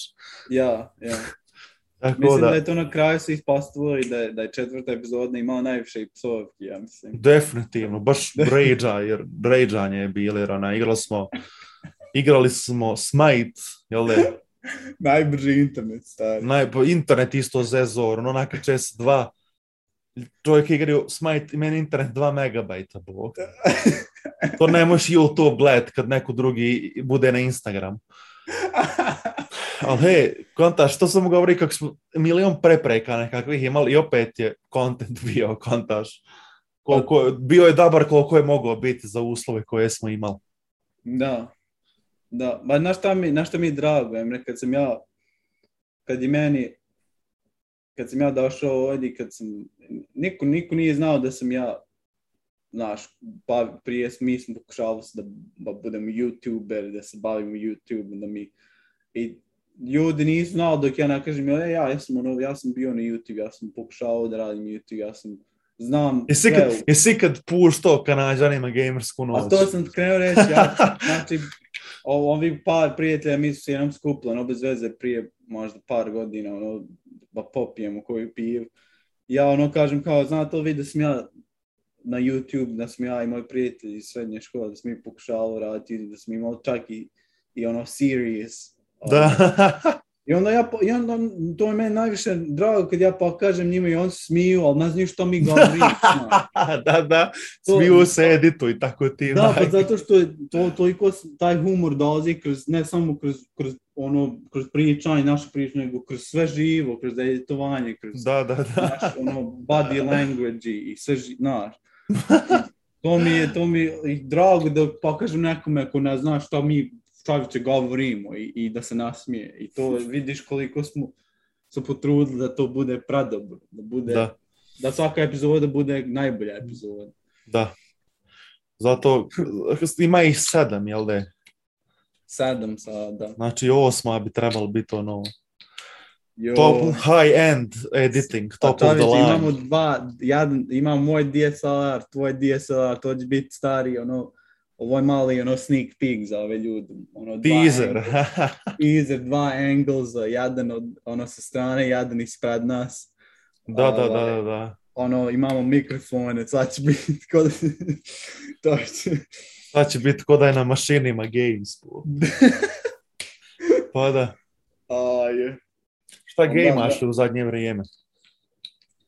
Pa ono kad us, ono jako kad uspijem, ono kad imam vremena, više se bavim sportom, ali uvijek ja nađem vremena, uvijek nađem vremena da, da odigram št- šta ja znam, na primjer, jedan meč nečega, ili il Overwatch, ono, na, uvijek se bacim, vratim se nazad da igram, ili il, što se tiče single player igara, ono, uvijek nešto scrollam kroz Steam library i uvijek nađem nešto da se skine i da odigram. Da. Ali ovaj, uvijek, uvijek se nađe vremena, uvijek, znam da si ti više se bacio na, na, na simu- simulacije, jel da je? Da, pa na sim racing, ali sad malo manje, jer ono, problem je bio kad je ta bosanska liga bila treća sezona kad je krenula, Mhm. bilo nas je 20 u toj diviziji gdje sam ja vozio, ono, maksimalno je 20 i bilo nas je bila Da. puna divizija. Da, ja sam da. u svakoj trci bio možda top 5 kontaš. Ali, ali, ali, ali to meni bilo malo jer sam htio pobjeđivati kontaš i, i imao sam par pobjeda. Ali ako hoću da pobjedim, ja moram pred trku 5 dana 24-7 visti i vježbati stazu. Toliko, to, jel to ima neki limit koliko ti moraš? Ne, ne, to u slobodno vrijeme, još vježbat nećeš, ne, ono, do tebe. Da, da. Ali ono, ja sam se fakat zagrio, hoću da pobjedim, hoću treću sezonu da osvojim, da, da ono. I u trećoj sezoni sam vozio možda 7-8 trka, od koje sam dvije ili tri možda pobjedio. Ono, borio sam za prvo mjesto s još jednim likom, ali Mhm. u tri, četiri puta igrat samo je zbog svojih retardiranih gličeva, ono, bio je rober i čiste pobjede tri puta, kontaš. Mhm, mhm. I ja odustanem, jebem vam igricu Bog ti. Pa ja se nerviram, vježbam ko majmun i ja, postave se pravila svake trke da je corner cutting, ono, strikt, kontaš, ako malo izletiš sa staze, Mhm, a dobiješ s- tri sekunde kazne, ono, što se doda na vrijeme, onda umjesto da budeš prvi, budeš treći, kontaš. Ali fazon je što igra kažnjava za stvari u koje su pravom životu ne, ne, ne daju kazne, kontaš. mhm, mhm. I ja poslu pičku maternu, bog te bježi je, bog te živ. Tako da ono, a fakat sam bio involviran u ligu, jer sam bio jedan od ljudi koji vode ligu, kontaš. Ja sam, ono, par, vodio sam diviziju koja je vozila Gran Turismo Sport, pravio sam highlighte za svaku trku, ono, tipa trke su nama trajale po 45 minuta do sat vremena najviše. Mhm, mhm. I onda je naprim highlight, ono, 3 minuta najbolji, najbolje akcije. Ja, ja. I fakt mi je puno vremena išlo na to. Dvije, tri divizije, svaku moraš napraviti video, te haj vježba, mislim, ono, fakat je puno vremena otišlo. I evo, izašla je nova ova F1 2021 igra. Ovaj jedan brat Mhm. me je zvao kao, hej brate, hoš se pridružiti opet. Mhm. Ono, nije da neću, ali ono, nemam vremena, živaca za to. Tako da ono, sad kad igram sim racing, ono, upadnem random lobby, igram sa random ljudima. Da, znači nisu u kompeticiji to više. Ne, ne, ne, igram ono F1 na Playstationu, igram Assetto Corsa, igru koja je ono najbolja simulacija, fakat, no, ko hoće da igra simulaciju uz dobar volan, imaš dojem da voziš pravu auto. Mislim, ja, ono, ja, meni je monitor televizor, ja nemam monitor, ne koristim Mhm. televizor. I kad namjestiš Da. no- noćnu trku i ugasiš svjetla, doslovno imaš dojem da voziš pravu auto. Tako da, eto, ko bi se volio baviti sim racingom, Assetto Corsa, kompeticione, na instant gamingu, 15 dolara, pa bujrum. Ovaj. Uz dobar volan, fakt. Može se ono igrat na joystick, ali to nije to. Jel tebi to, da li ti rekao da je tebi to opuštena igra, ono, da, da si ti Uh, ne, vratiš svaki put na to i da se opušteno igraš? da ne, je jako ne, to, je, to, je, to je nerviranje i, i veoma napeto. Zato što uh, prva stvar uh, trke, na primjer, ove, u, u, ja, sam, ja sam danas odvezo 400 km na simulator. Mhm. Ja sam se preznojio, znači. Ja sam morao ići tuširati. Zato što ti igraš s random ljudima, imaš majmuna koji se zabiju, koji će to krenuti. Imaš ljudi s kojima, ono, koji voze pošteno, preti čutaj, preti ćeš ti njih ostavljati jednim drugima mjesta i tipa ja sam danas vozio sa likom, Mhm. deset krugova smo ja i on se borili, fakat to nije ni malo ono jednostavno jer hoćeš da pobjediš čovjeka, uvijek voziš on edge jer se možeš okrenuti, zabiti, tako da, Da, da. fakat je stresno, stresno voziti. Ako ćeš se trkati, ako ćeš se trkati protiv pravi ljudi, ako ćeš se trkati protiv botova, jer i botovi znaju biti retardirani. Ono, Ali ako želiš ono, opuštenu vožnju, onda ono upališ sebi praktis, sam si na stazi i vozaš se u suštini. Da, da. Ali ono, meni je dosta, ja volim trkat se s drugim ljudima, tako da onda ja nisam vozim znao da je, da, je, da, je, da je, ono, nisam nikada bio jako a, u toku sa tim i nisam, ono, nije me nikada baš zanimalo, ali al, zanimljivo mi je kad ovako čujem kako, kako funkcioniše, jer ono jebi ga ti vidiš, kad ti kažeš e-sports tebi na, na čelu uvijek na, na ono, CS, Overwatch, Ma da, na- naravno. na, na, ono napet, jebi brzina, uh, uh, uh, zna, ali vamo kad vidimo, ja mislim da, da tako važno ta može biti napeta, jer, jer imaš Znaš kako je najjača, dvije najjače simulacije na, ono, na tržištu trenutno su Assetto Corsa Competizione i iRacing. Mhm. Ovaj, iRacing je ono, Assetto Corsu kupiš, igrica je tvoja, imaš DLC-eve za staze. Da, ali da. ne moraš ti njih imati jer imaš dosta staza i ovako. A iRacing ti je ono monthly subscription. Mhm. Tipa, plaćaš 15 dolara mjesečno ili možda manje, ne, ne znam sada, imaš ovako tri auta i pet staza. I onda Mhm. sve moraš kupovati kontaš, ono, i to te godišnje izađe par hiljada dolara da bi imao full igru. Tako da ljudi Samo često to izbjegavaju, pa da. A, ali, ali jest bolja simulacija za mrvicu. I Mhm. predobra stvar koju ove dvije igre nude su a, trke koje traju 24 sata. To ti je tipa prijavi se tim od pet ljudi i vozi se trka 24 sata, ali u realnom vremenu. I tipa ja vozim 4 sata i ti preuzmeš kontrolu nad autom, ti nastaviš, onda neki drugi lik i ono, i uvijek je predobro jer spojiš ljudima iz Amerike, ono, s drugih dijelova svijeta, jer ono, ja idem spavat, a njemu je jutro kod tebi, na primjer, on sad može gejmat, a meni je kasno, kontaš. Da, da, da. da. Tako da uvijek budu zanimljive te trke 24 sata gledati. Sve ove igre sam spomenuo, ono, pravi legit vozači voze i vježbaju na tome. Tako da je fakat odlična stvar, svega odlična stvar. U kojoj igri su najviše, najteža uspostavljena pravila koja ti moraš pratiti? Jel, jel formula? Ma ne, formula, formulu jedan zovu kao Simcade, ono, kao ona je Mhm. simulacija, ali ima malo i arkade, razumiješ? Pogotovo sad Codemasters pravi Formula 1 igre, njih, njih je sad kupio EA, bog te. Tako da svi se boje da će ljudi to pokvariti. Ah, Fantar da će pay to win, ono, ej, imaš dva auta, ako hoćeš da zamijenimo gume 3 dolara, ono. Fantar, ako hoćeš goriva, moraš kup. Ali, ma rekao ba vas, Seto Corsa i iRacing imaju, ono, baš sve je ono po propisima kako je u pravom životu.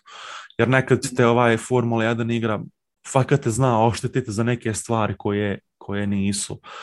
Uh, u pravom životu za koje ne bi dobio kaznu. A Tipa, na primjer, na ovim trkama u Assetto Corsa imaš opciju da tri lika, ili ne znam koliko, mislim da tri lika maksimalno, streamaju, spektatiju trku i oni su sudije i mogu dati kaznu i reviewati kaznu ono, real time. Tako Da, da, igra ne daje kazne, nego imaš ljude koji to rade i rade pošteno. Ono. Tako da Ja. Assetto Corsa je za mene ono, mašina, to bi ja preporučio svima. Imaju dvije igre, znači Assetto Corsa, samo Assetto Corsa i Assetto Corsa Competizione. Assetto Corsa je dobra za one koji hoće modove, jer nju se možeš modirati, stavljati svoja custom auta, a, custom staze. Ljudi stavili na prvu stražac u toj igrici, znači. Ovaj, Ja.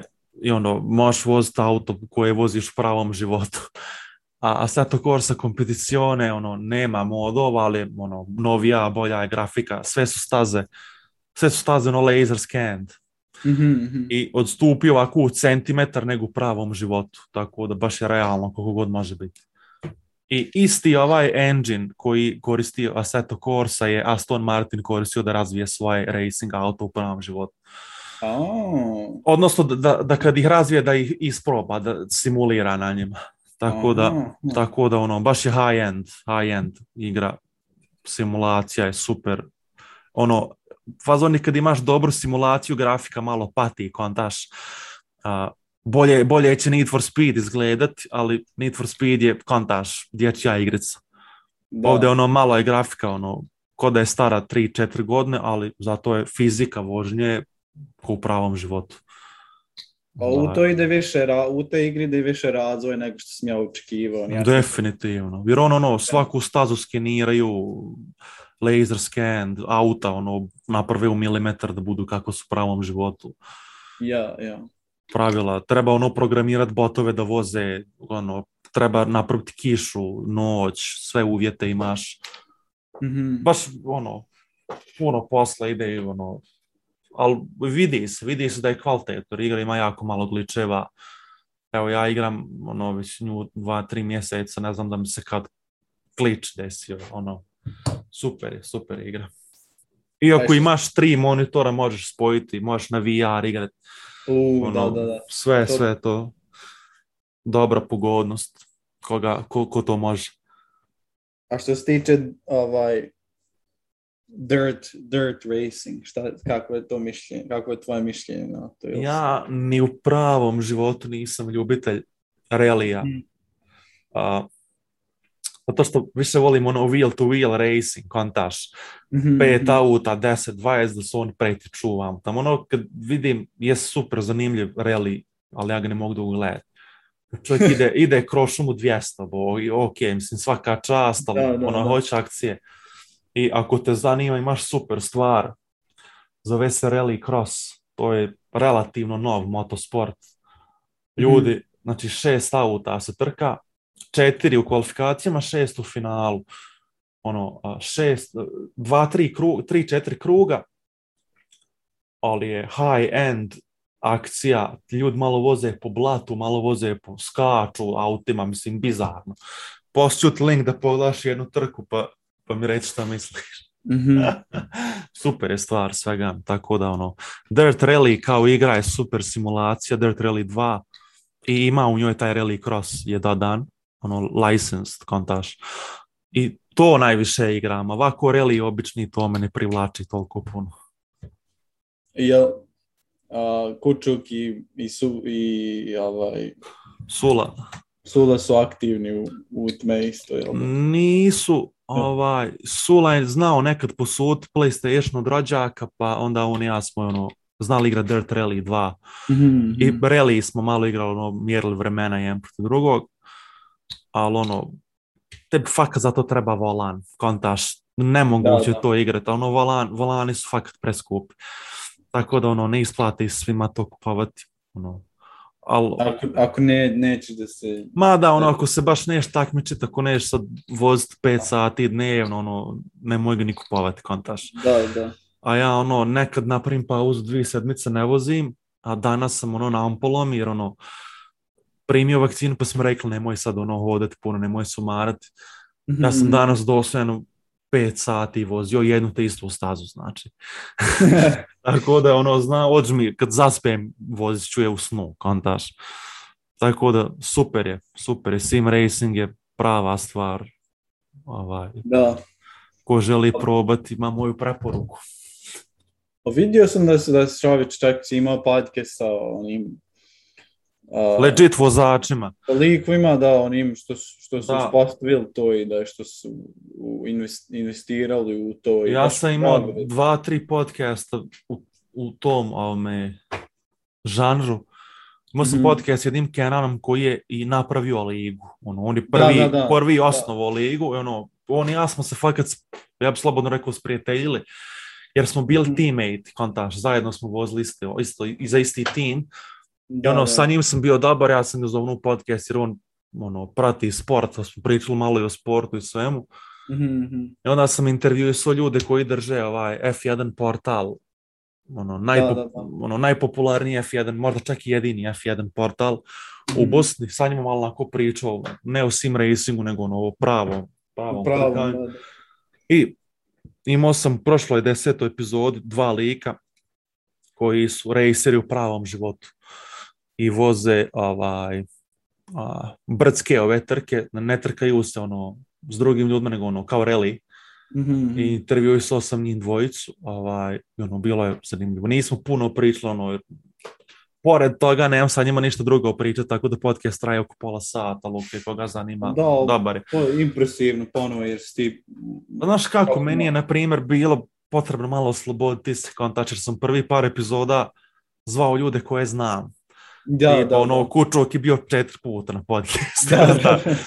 I onda mi je trebalo onako neka prekretnica da ono, zovnem nekoga koga nikad u životu nisam vidio, s kim nikad nisam pričao, s kim dijelim neke iste, ista Da, interesovanja. I skontao sam najgora stvar koja se desiti, čovjek kaže neću. I okej, Mhm, mhm. ali evo, za sada sam imao uspjeha, zvao sam, ne znam gdje sam čuo za band, Silent Kingdom, sviraju kao sevdah metal, ono, Mhm, postoje par, od- pozvao sam njih, pristali su, moramo termin dogovoriti. Odlično. Pozvao sam jednog lika koji developuje igrice iz Bosne, ovaj, lik sam drži svoj studio. Mhm. Ovaj, sad ne znam kako se igra zove, mogu to poslati kasnije ako me napomeneš, tako da on mi je rekao, ja mi se u augustu nemam vremena, no, u augustu će Odlično. biti slobodno. Tako da ono, super mi je priča s ljudima s kojim imam interesovanja slična, a i ne volio da mi se podcast pretvori kao kod Joe Rogana. Ljud sam pričao UFC-u, bog. Znači, Da, da, da, tako da ne, ne bi ja ono volio sam pričati o motosportu, ono, volio malo raznolikosti pa će mi doći muzičari, tako razni developeri, pa ono. Pa to ti isto možeš, možeš, možeš, to ti isto ideje je dobro da pozoveš nekoga u borilačkim vještinama, nekoga Jest, psiha- jest, to mi je bio cilj, bio mi je cilj, mislim da će to raditi, imamo u Bosni ovoga jednog uh, lik se bavi onim strongman, čovjek je strongman, kontaš, ono, Mhm. diže one kugle, one balvane vuče, Da, da, da. i onaj, i lik planira oboriti svjetski rekord u, u deadliftu. Ovaj, 505 kila. I, i ovaj, za one koji ne znaju, evo mala i ja sam počeo pratiti strong mene, neš vjerovati, znači pratim Znaš. svega, jer mi je prezanimljivo.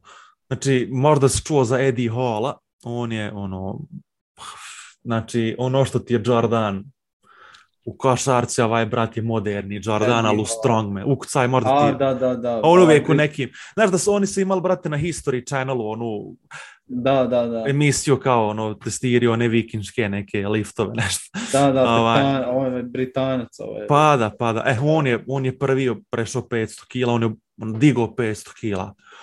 I je. čovjek je pao u nesvijest, možeš pogledati video, traje minut. Čovjek je pao u nesvijest nakon dizanja, tekla mu krv na nos, na, O. ono, sašio se čovjek. I onda je, a Strongman je isto onaj lik a, što glumi u Game of Thrones, onaj Mountain, kontaš. Da, da, Onaj da. ogro, on je, on je legit Strongman, znači. Čovjek zovu ga Thor, Thor Bjornsson. To, on, da, je, da, a, on je digao, on je oborio taj rekord od 501 kilo, on je kao digao za još jednu kilu, to je oborio, ali su Mhm. mu svi rekli kao, brate, to se ne računa, ono, svaka čast, vjerujemo da si digao, ali digao si kod sebe u svojoj teretani privatnoj kontaš, moraš otići na turnir, pa dići pa, da, pa se onda računat. Tako da, mislim da je to ono unofficial rekord. I Da. ovaj naš lik će probat official rekord ovaj, obort 505 kila, mislim da će biti u augustu. Ovaj. Kako se on zove? Naš ovaj, Da. a, Nedžmin Ambešković. Uđi na njegov Instagram, uđi na njegov Instagram, imaju klipovi kad on diže na, na treningu 450 kila. Koliki Pa Čovjek je, on, je, on je u Sarajevu vuko šleper za sobom. Svega, me poproba i to naći. I on, on, on je bio u Švedskoj i drži onaj švedski rekord za deadlift. Ovaj, tako da Mhm. lik je fakat dobar. Nije imao sad nekog punog uspjeha na, na World Strongman. To- Ima lik čovjek. Ima, ima Telekom, HIFA, Petrol, benzinske. I ono, BH Telekom, stari. ono, kontao sam njega zvati, kontaš. Da, da, to Jer je ono, bilo. To je bilo super, ono, jer me zanima, povolio baš ono first hand, čuti kako teku pripreme, šta jede, kako uopće Da. biti strongman, ono, kontaš. Tako da, lik ima 2 metra, 150 kila, bo, to je čudovište, o čovjek. Vidim, čovjek gdje koliki je lik. A, a, ovaj, a ovaj Eddie Hall i Thor su trebali imati box match. I to je trebalo, jer, jer njih, njih- njih dvojica su na najveći rivalry u strongmanima. Ono, kontaš uvijek rostuju jedan drugo. I da. dogovorili su meč, njih dvojica imaju 150-180 kila i to je trebao biti kao world heavy, heaviest, kao ono, kao ono najveći, najheavyweight borba ikad, kontaš. Mhm, mhm. I ovaj Eddie Hall je, ono, bice, biceps mu iskočio u treningu i morao operaciju, pa Oh. sad, pa sad čekaju da ga neko zamijeni. Neki drugi strongmana, pa vidit ćemo šta će biti Da.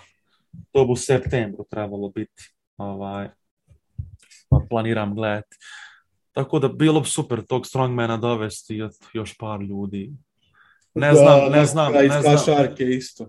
Pa da, pa da, Da. ono, imam par planova, pa ćemo vidjeti. Ono, nemam neke žurbe, moram sam web kameru ovaj, Mhm. kupiti, jer ono, glupo je ljudima koje nikad nisi vidio reći, hej, da ti drž svoju kameru, ja je nemam, onda malo bude neugodno. Mislim, imao sam sreće da smo ljudi poslušali tri puta, pa ovo rekao su ok, ali Mhm. ono, neću nikoga zvati koga ne znam dok ne budem imao kameru, dobro. Ovaj. Da, da. Da, da, da. Tako da ne žuri mi se fakat nigdje. Ovaj. I eto, to je plan ako ti par ljudi koje kontam zovem. Ja vjerujem da će se odazvati, mislim, nema razloga da ne kažu ne. Ono. Ti si jedini koji radiš to i drago mi da, da imaš varijaciju ljudi. Pa ono, bilo bi mi glupo sad, ono, od, od, doslovno odbijaš ljude kad se ograničiš na jednu temu. Da, da, da. Ono, ja ne bi, ne bi bio problem, ono, da danas pričam s tobom o random stvarima, sutra da mi dođe Šuhret Fazlić, kontaš, da pričamo o politici. Kontaš, ono, ja sam otvoren za sve opcije, sve teme, sve živo. Da, da. Ovaj, I moram jedan milestone abort, to je da imam a, ženskog gosta u podcast. Da, da, to sam baš krenuo reći. To se još uvijek nije desilo, ovaj, ali čekam da naleti neko zanimljiv iz ženskog roda. Ovo, ovo, ovo je sad ovo je zvučilo malo too much, kontaš, ali sad ispode žene su dosadne, ali malo jesu, kontaš, malo jesu, ovaj, jer ono, da ti skontaj varijaciju, Veoma sporna tema. da ti skontaj, ovo neće biti, ovo neće biti YouTube, ovo će isići. Skontaj, skontaj varijaciju.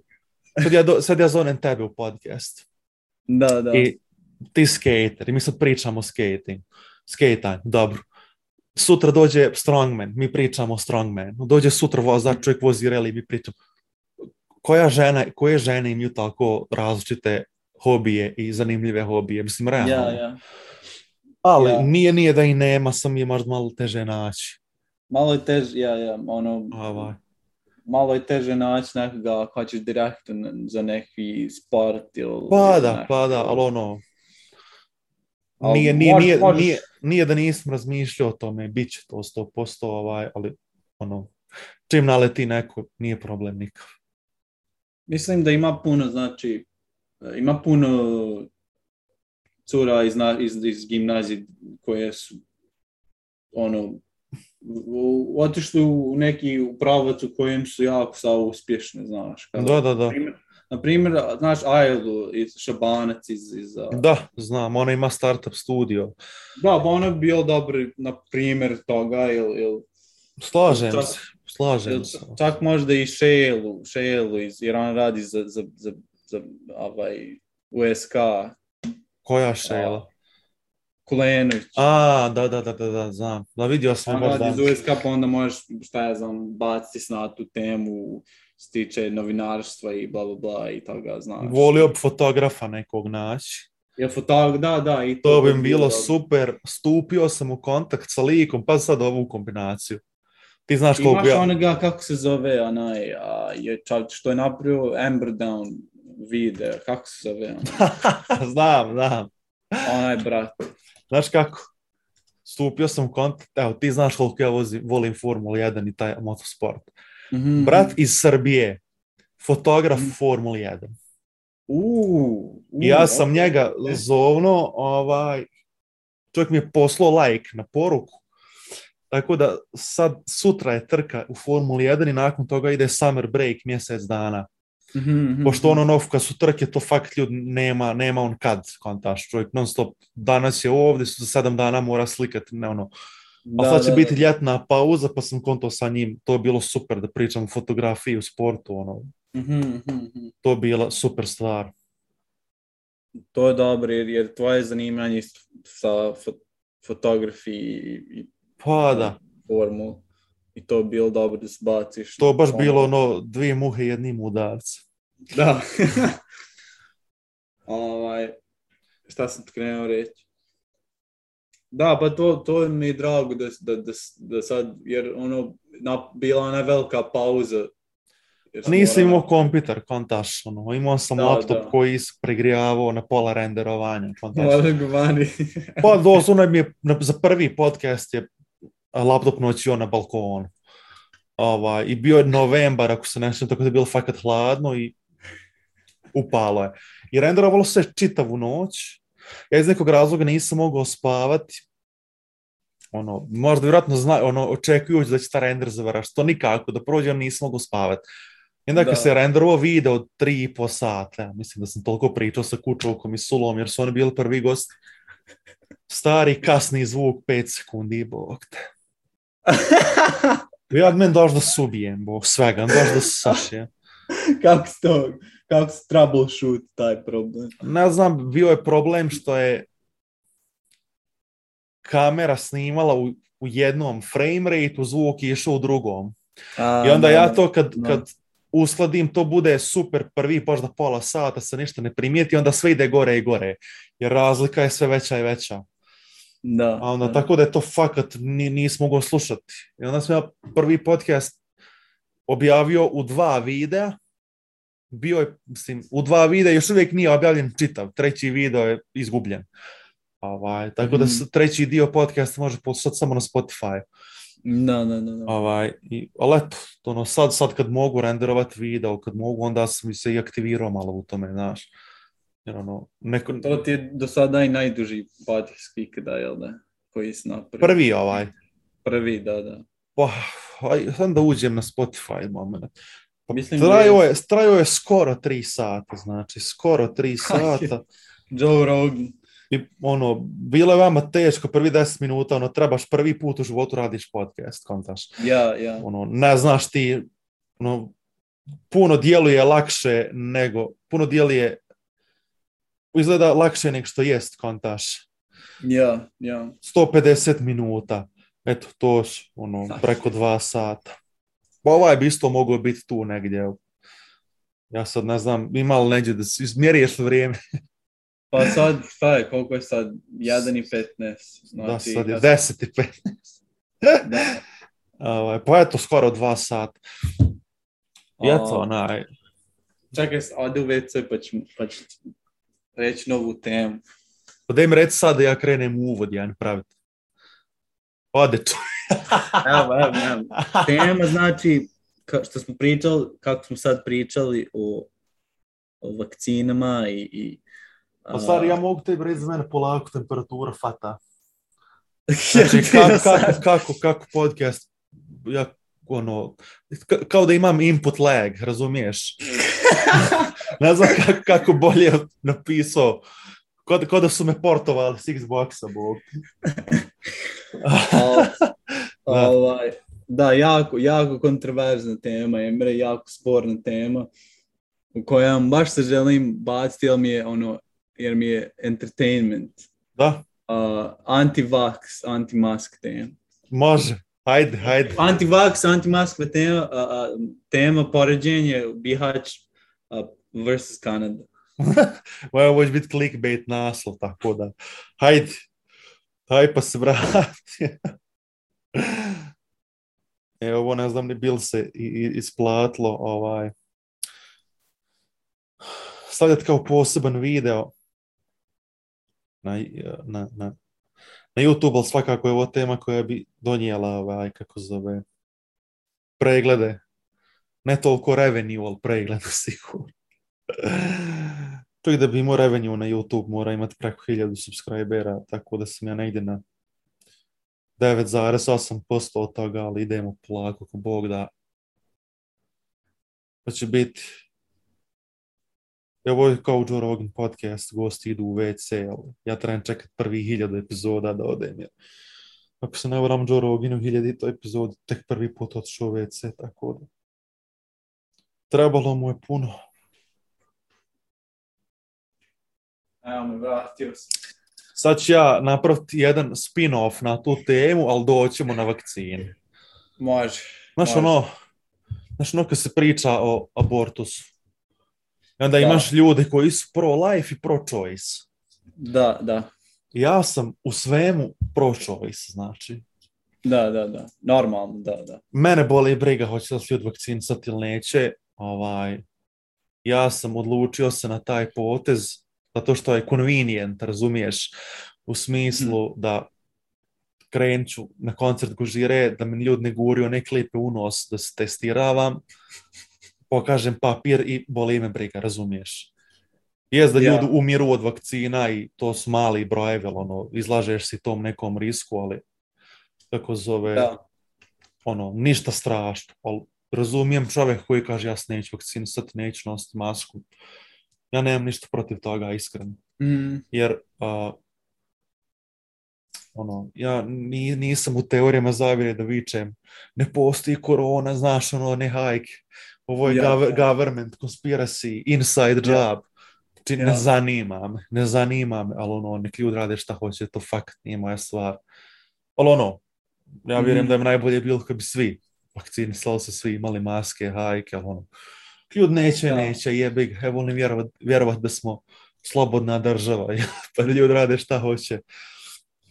Pa Tako to je meni ono- jako zanimljivo jer, jer sam htio da se bacim na tu temu samo zato što da mi ti daš iz svoje, iz svog a, kako si ti um, Kako je iskustvo tvoje u...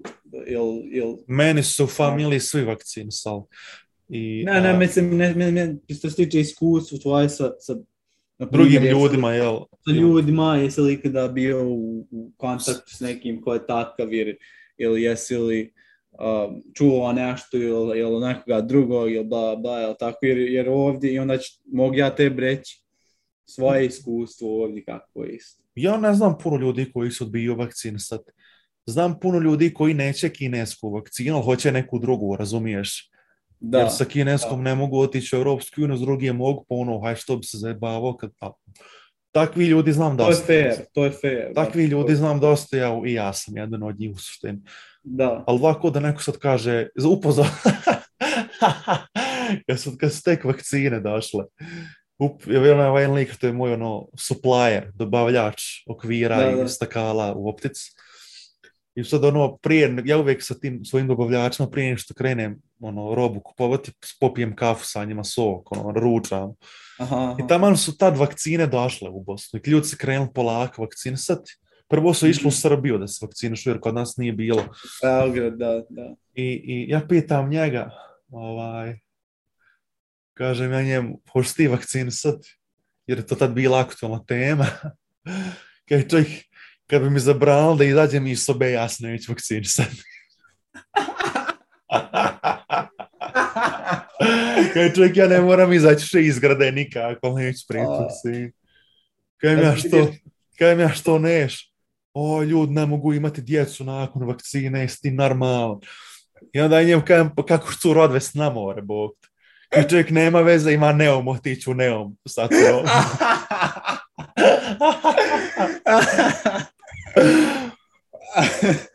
A to je, vidiš, to u jednom smislu, iz, iz neke perspektive, jedna je komedija, jedna je tragedija, znaš. Jer, jer to će nekome biti ono, haj, oni, oni budala neka komedija, ali to će nekome biti ono, ovo, ovaj lik nije normalan, znaš. Ovaj lik znam, znam. nema, nema intelekta nikako, neko će reći, ono, ni, ti nisu u redu nikako. Al, al, znaš, da, kad, ono, kad sam ja iz Bosne i znam kakav je humor i znam kakvi su ljudi. Da to To kad meni- rekao čovjeku kao ne ljubite pretvukli, kontaš, jel? Pa da, to ono ovdje, ono, a, na, znaš, Ko ovdje ljudi umiru osmije, a ja, ono kad je Da. to rekao, ja sam odmah pao napad od smijanja. da, da, da. Ali čovjek, al- al čovjek nije, nije to hajk, čovjek je 100% ozbiljan. Kao ja neću izaći iz sobe, znači Pa dok ne umrem, ali to je to, bo. Neke stvari su smiješnije kad formiraš rečenicu na basijskom nego na engleskom. Da, definitivno. ono, a, a što, što se tiče toga, ja, mi se svi možemo složiti da nošenje maske je, je, je, je toliko, ono, nervira, te znaš. Jer Naravno. Niko ne, niko ne voli nositi masku, jebi ga, niko ne voli nositi ono, ja, na, ja, ja sam vakcinisan, ja imam dvije doze, bla, bla, bla, sve protiv toga, ja znam, ali niko ne voli nositi jebenu masku na, na busu, na, na, u samo poslu, znaš. Da. Da. mora bi, kad ti moraš nositi masku, moraš nositi masku. I ako je pandemija se desi jednom u 500 A godina... mene ne, ne me nerviraju, znači ja sam situaciju juče. Ja mislim da kod nas postoji pravilo zakon da moraš imati masku. Tipa sad kad bi ja došao, kad meni inspekcija došla na posao, ja nemam masku, ja bi dobio kaznu. Da, da, da. Ali fazon što ne nosi ni inspekcija masku, pa ne mogu te ni kazniti, kontaš. A naj. I kod mene, na primjer, u radnji nekad, znači od 15 ljudi, jedan će imat masku koji uđu danas, na primjer. Da, da. I neki ono pitaju, treba li ja kažem kako god hoćeš, ono sad ne zamaram ljude, fantaš. Neko Mhm. hoće, ja imam pa mu dam, ono nebitno.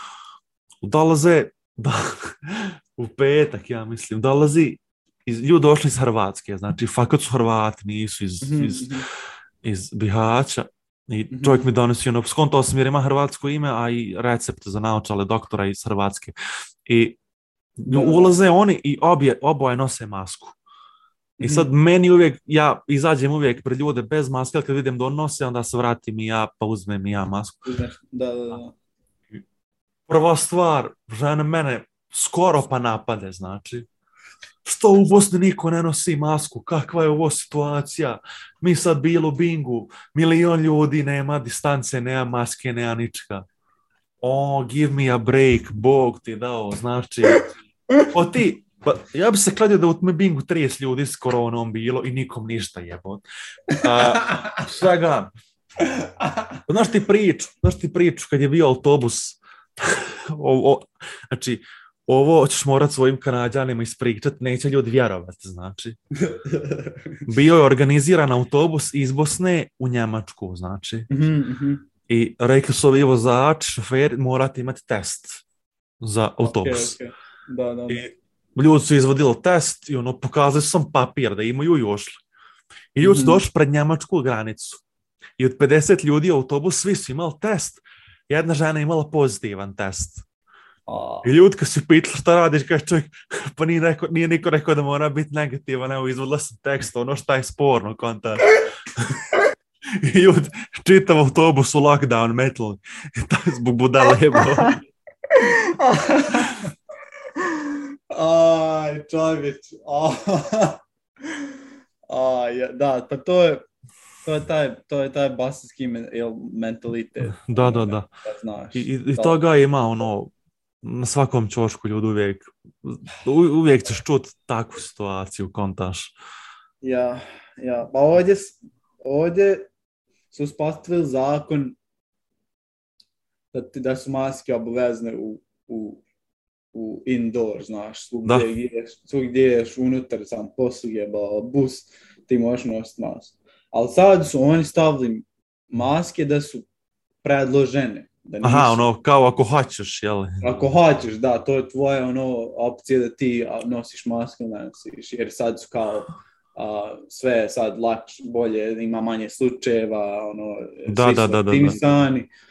ali sad u neko, u, ti imaš sad ove još uvijek ljude koji, koji se drže svoji, znaš, opinions, Znam, ono, znam. Znaš, koje su ono, aj, sad on, sad government nama, nama govori, ne može mi raditi to šta hoćemo.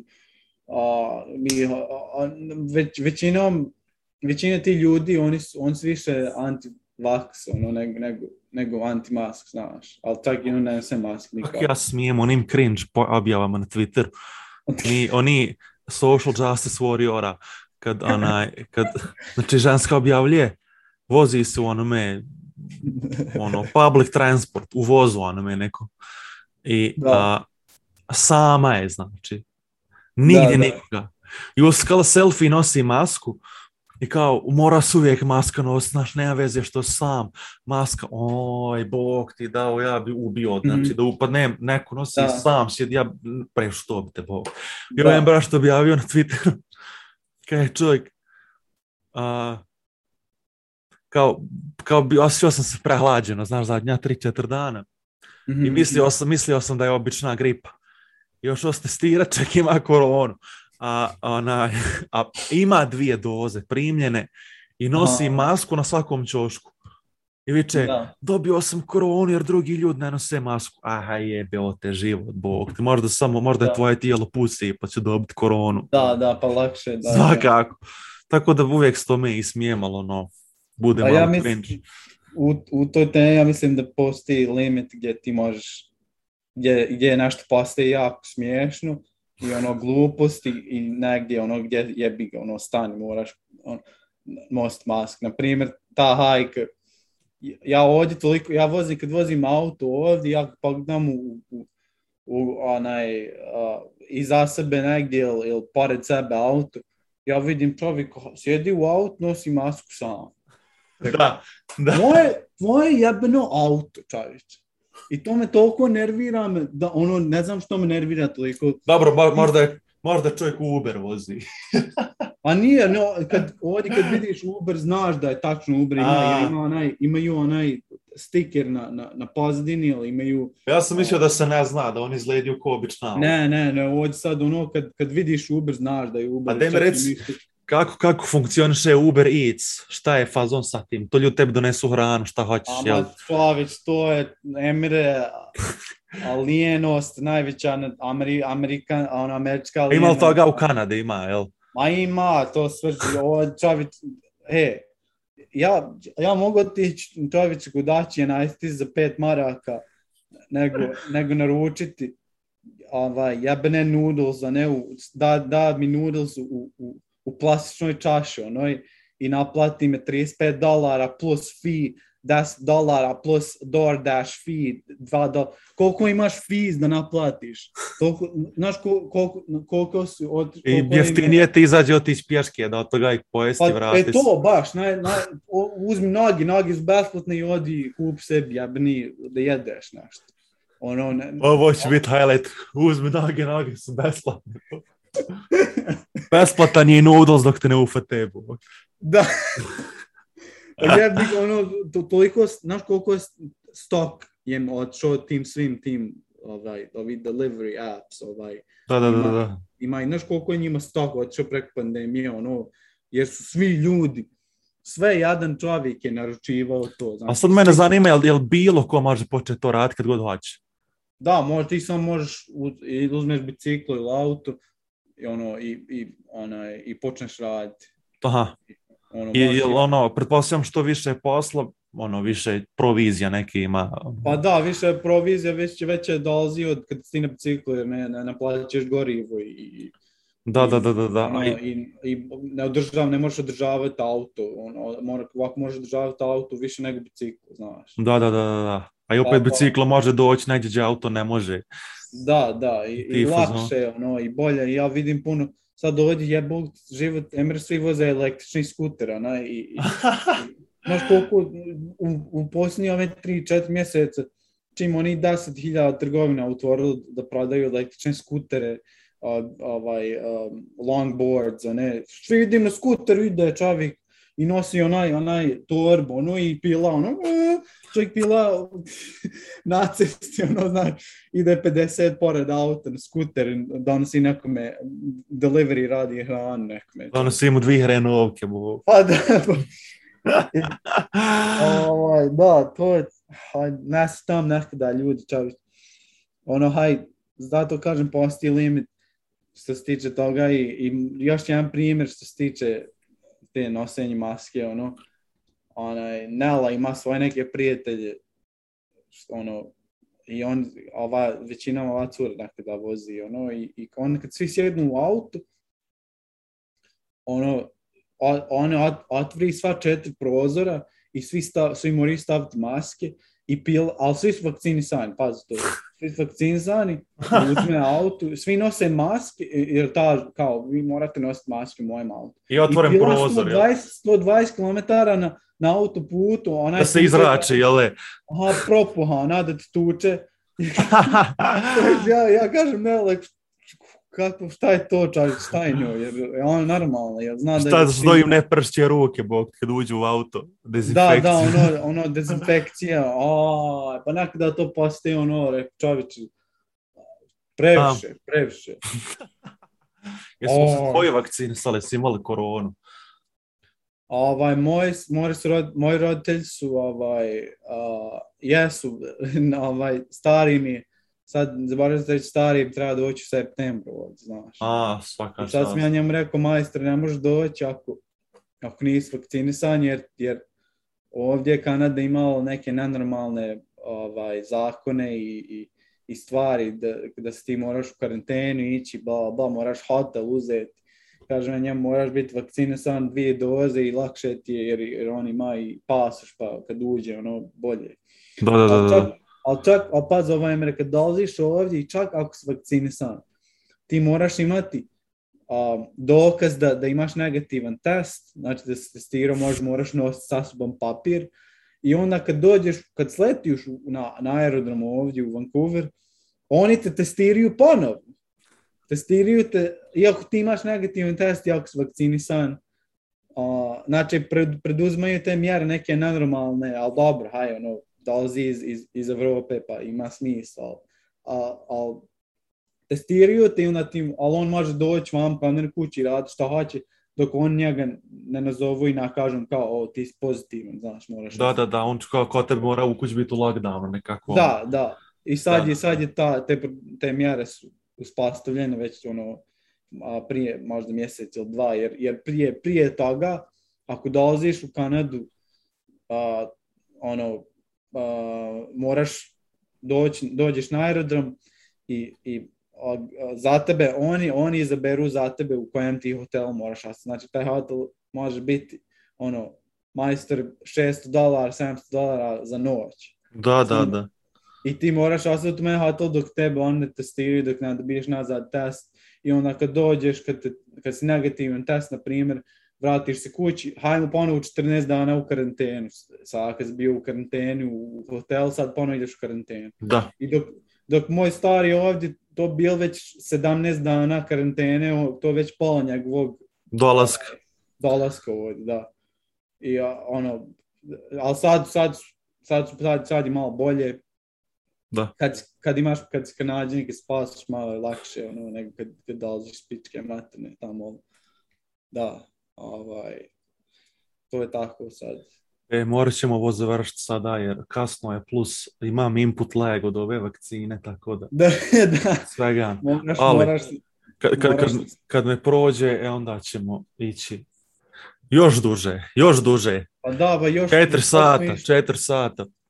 Sad smo koliko, dva sata? Pa dva, ja bih rekao, dva sata. Odlično, joj! Ako da eto, to će sutra preko biti na Spotify i svim tim eh, streaming stranicama, YouTube. Pa. Normalno, normalno. Sljedeći, sljedeći put pričamo kad kamere budu. Da, da, moram. Ja, ja ću, ja ću sebi kupiti kameru, eto, pa ćemo vidjeti. Ma naći ja neku zvezde. Da, Ma da, samo da bude bolje, onda da bude va- pravi video, ne. Ma da. Kralju moj, čujemo se, uživaj u basketu onda danas. Joj, čujemo se, Emre. Drago mi je bilo. Da sam ponovno došao da pričam, onako, uvijek i da bude se. Ovo, ovo će biti, ovo je drugi dio, bit, bit će trilogy minimum, kao, kao Conor i, kao Conor i Dustin. Conor Dusty. Joj, e, kralju, vidimo se stari. vidimo se. Ajde, čao, čao. Ćao.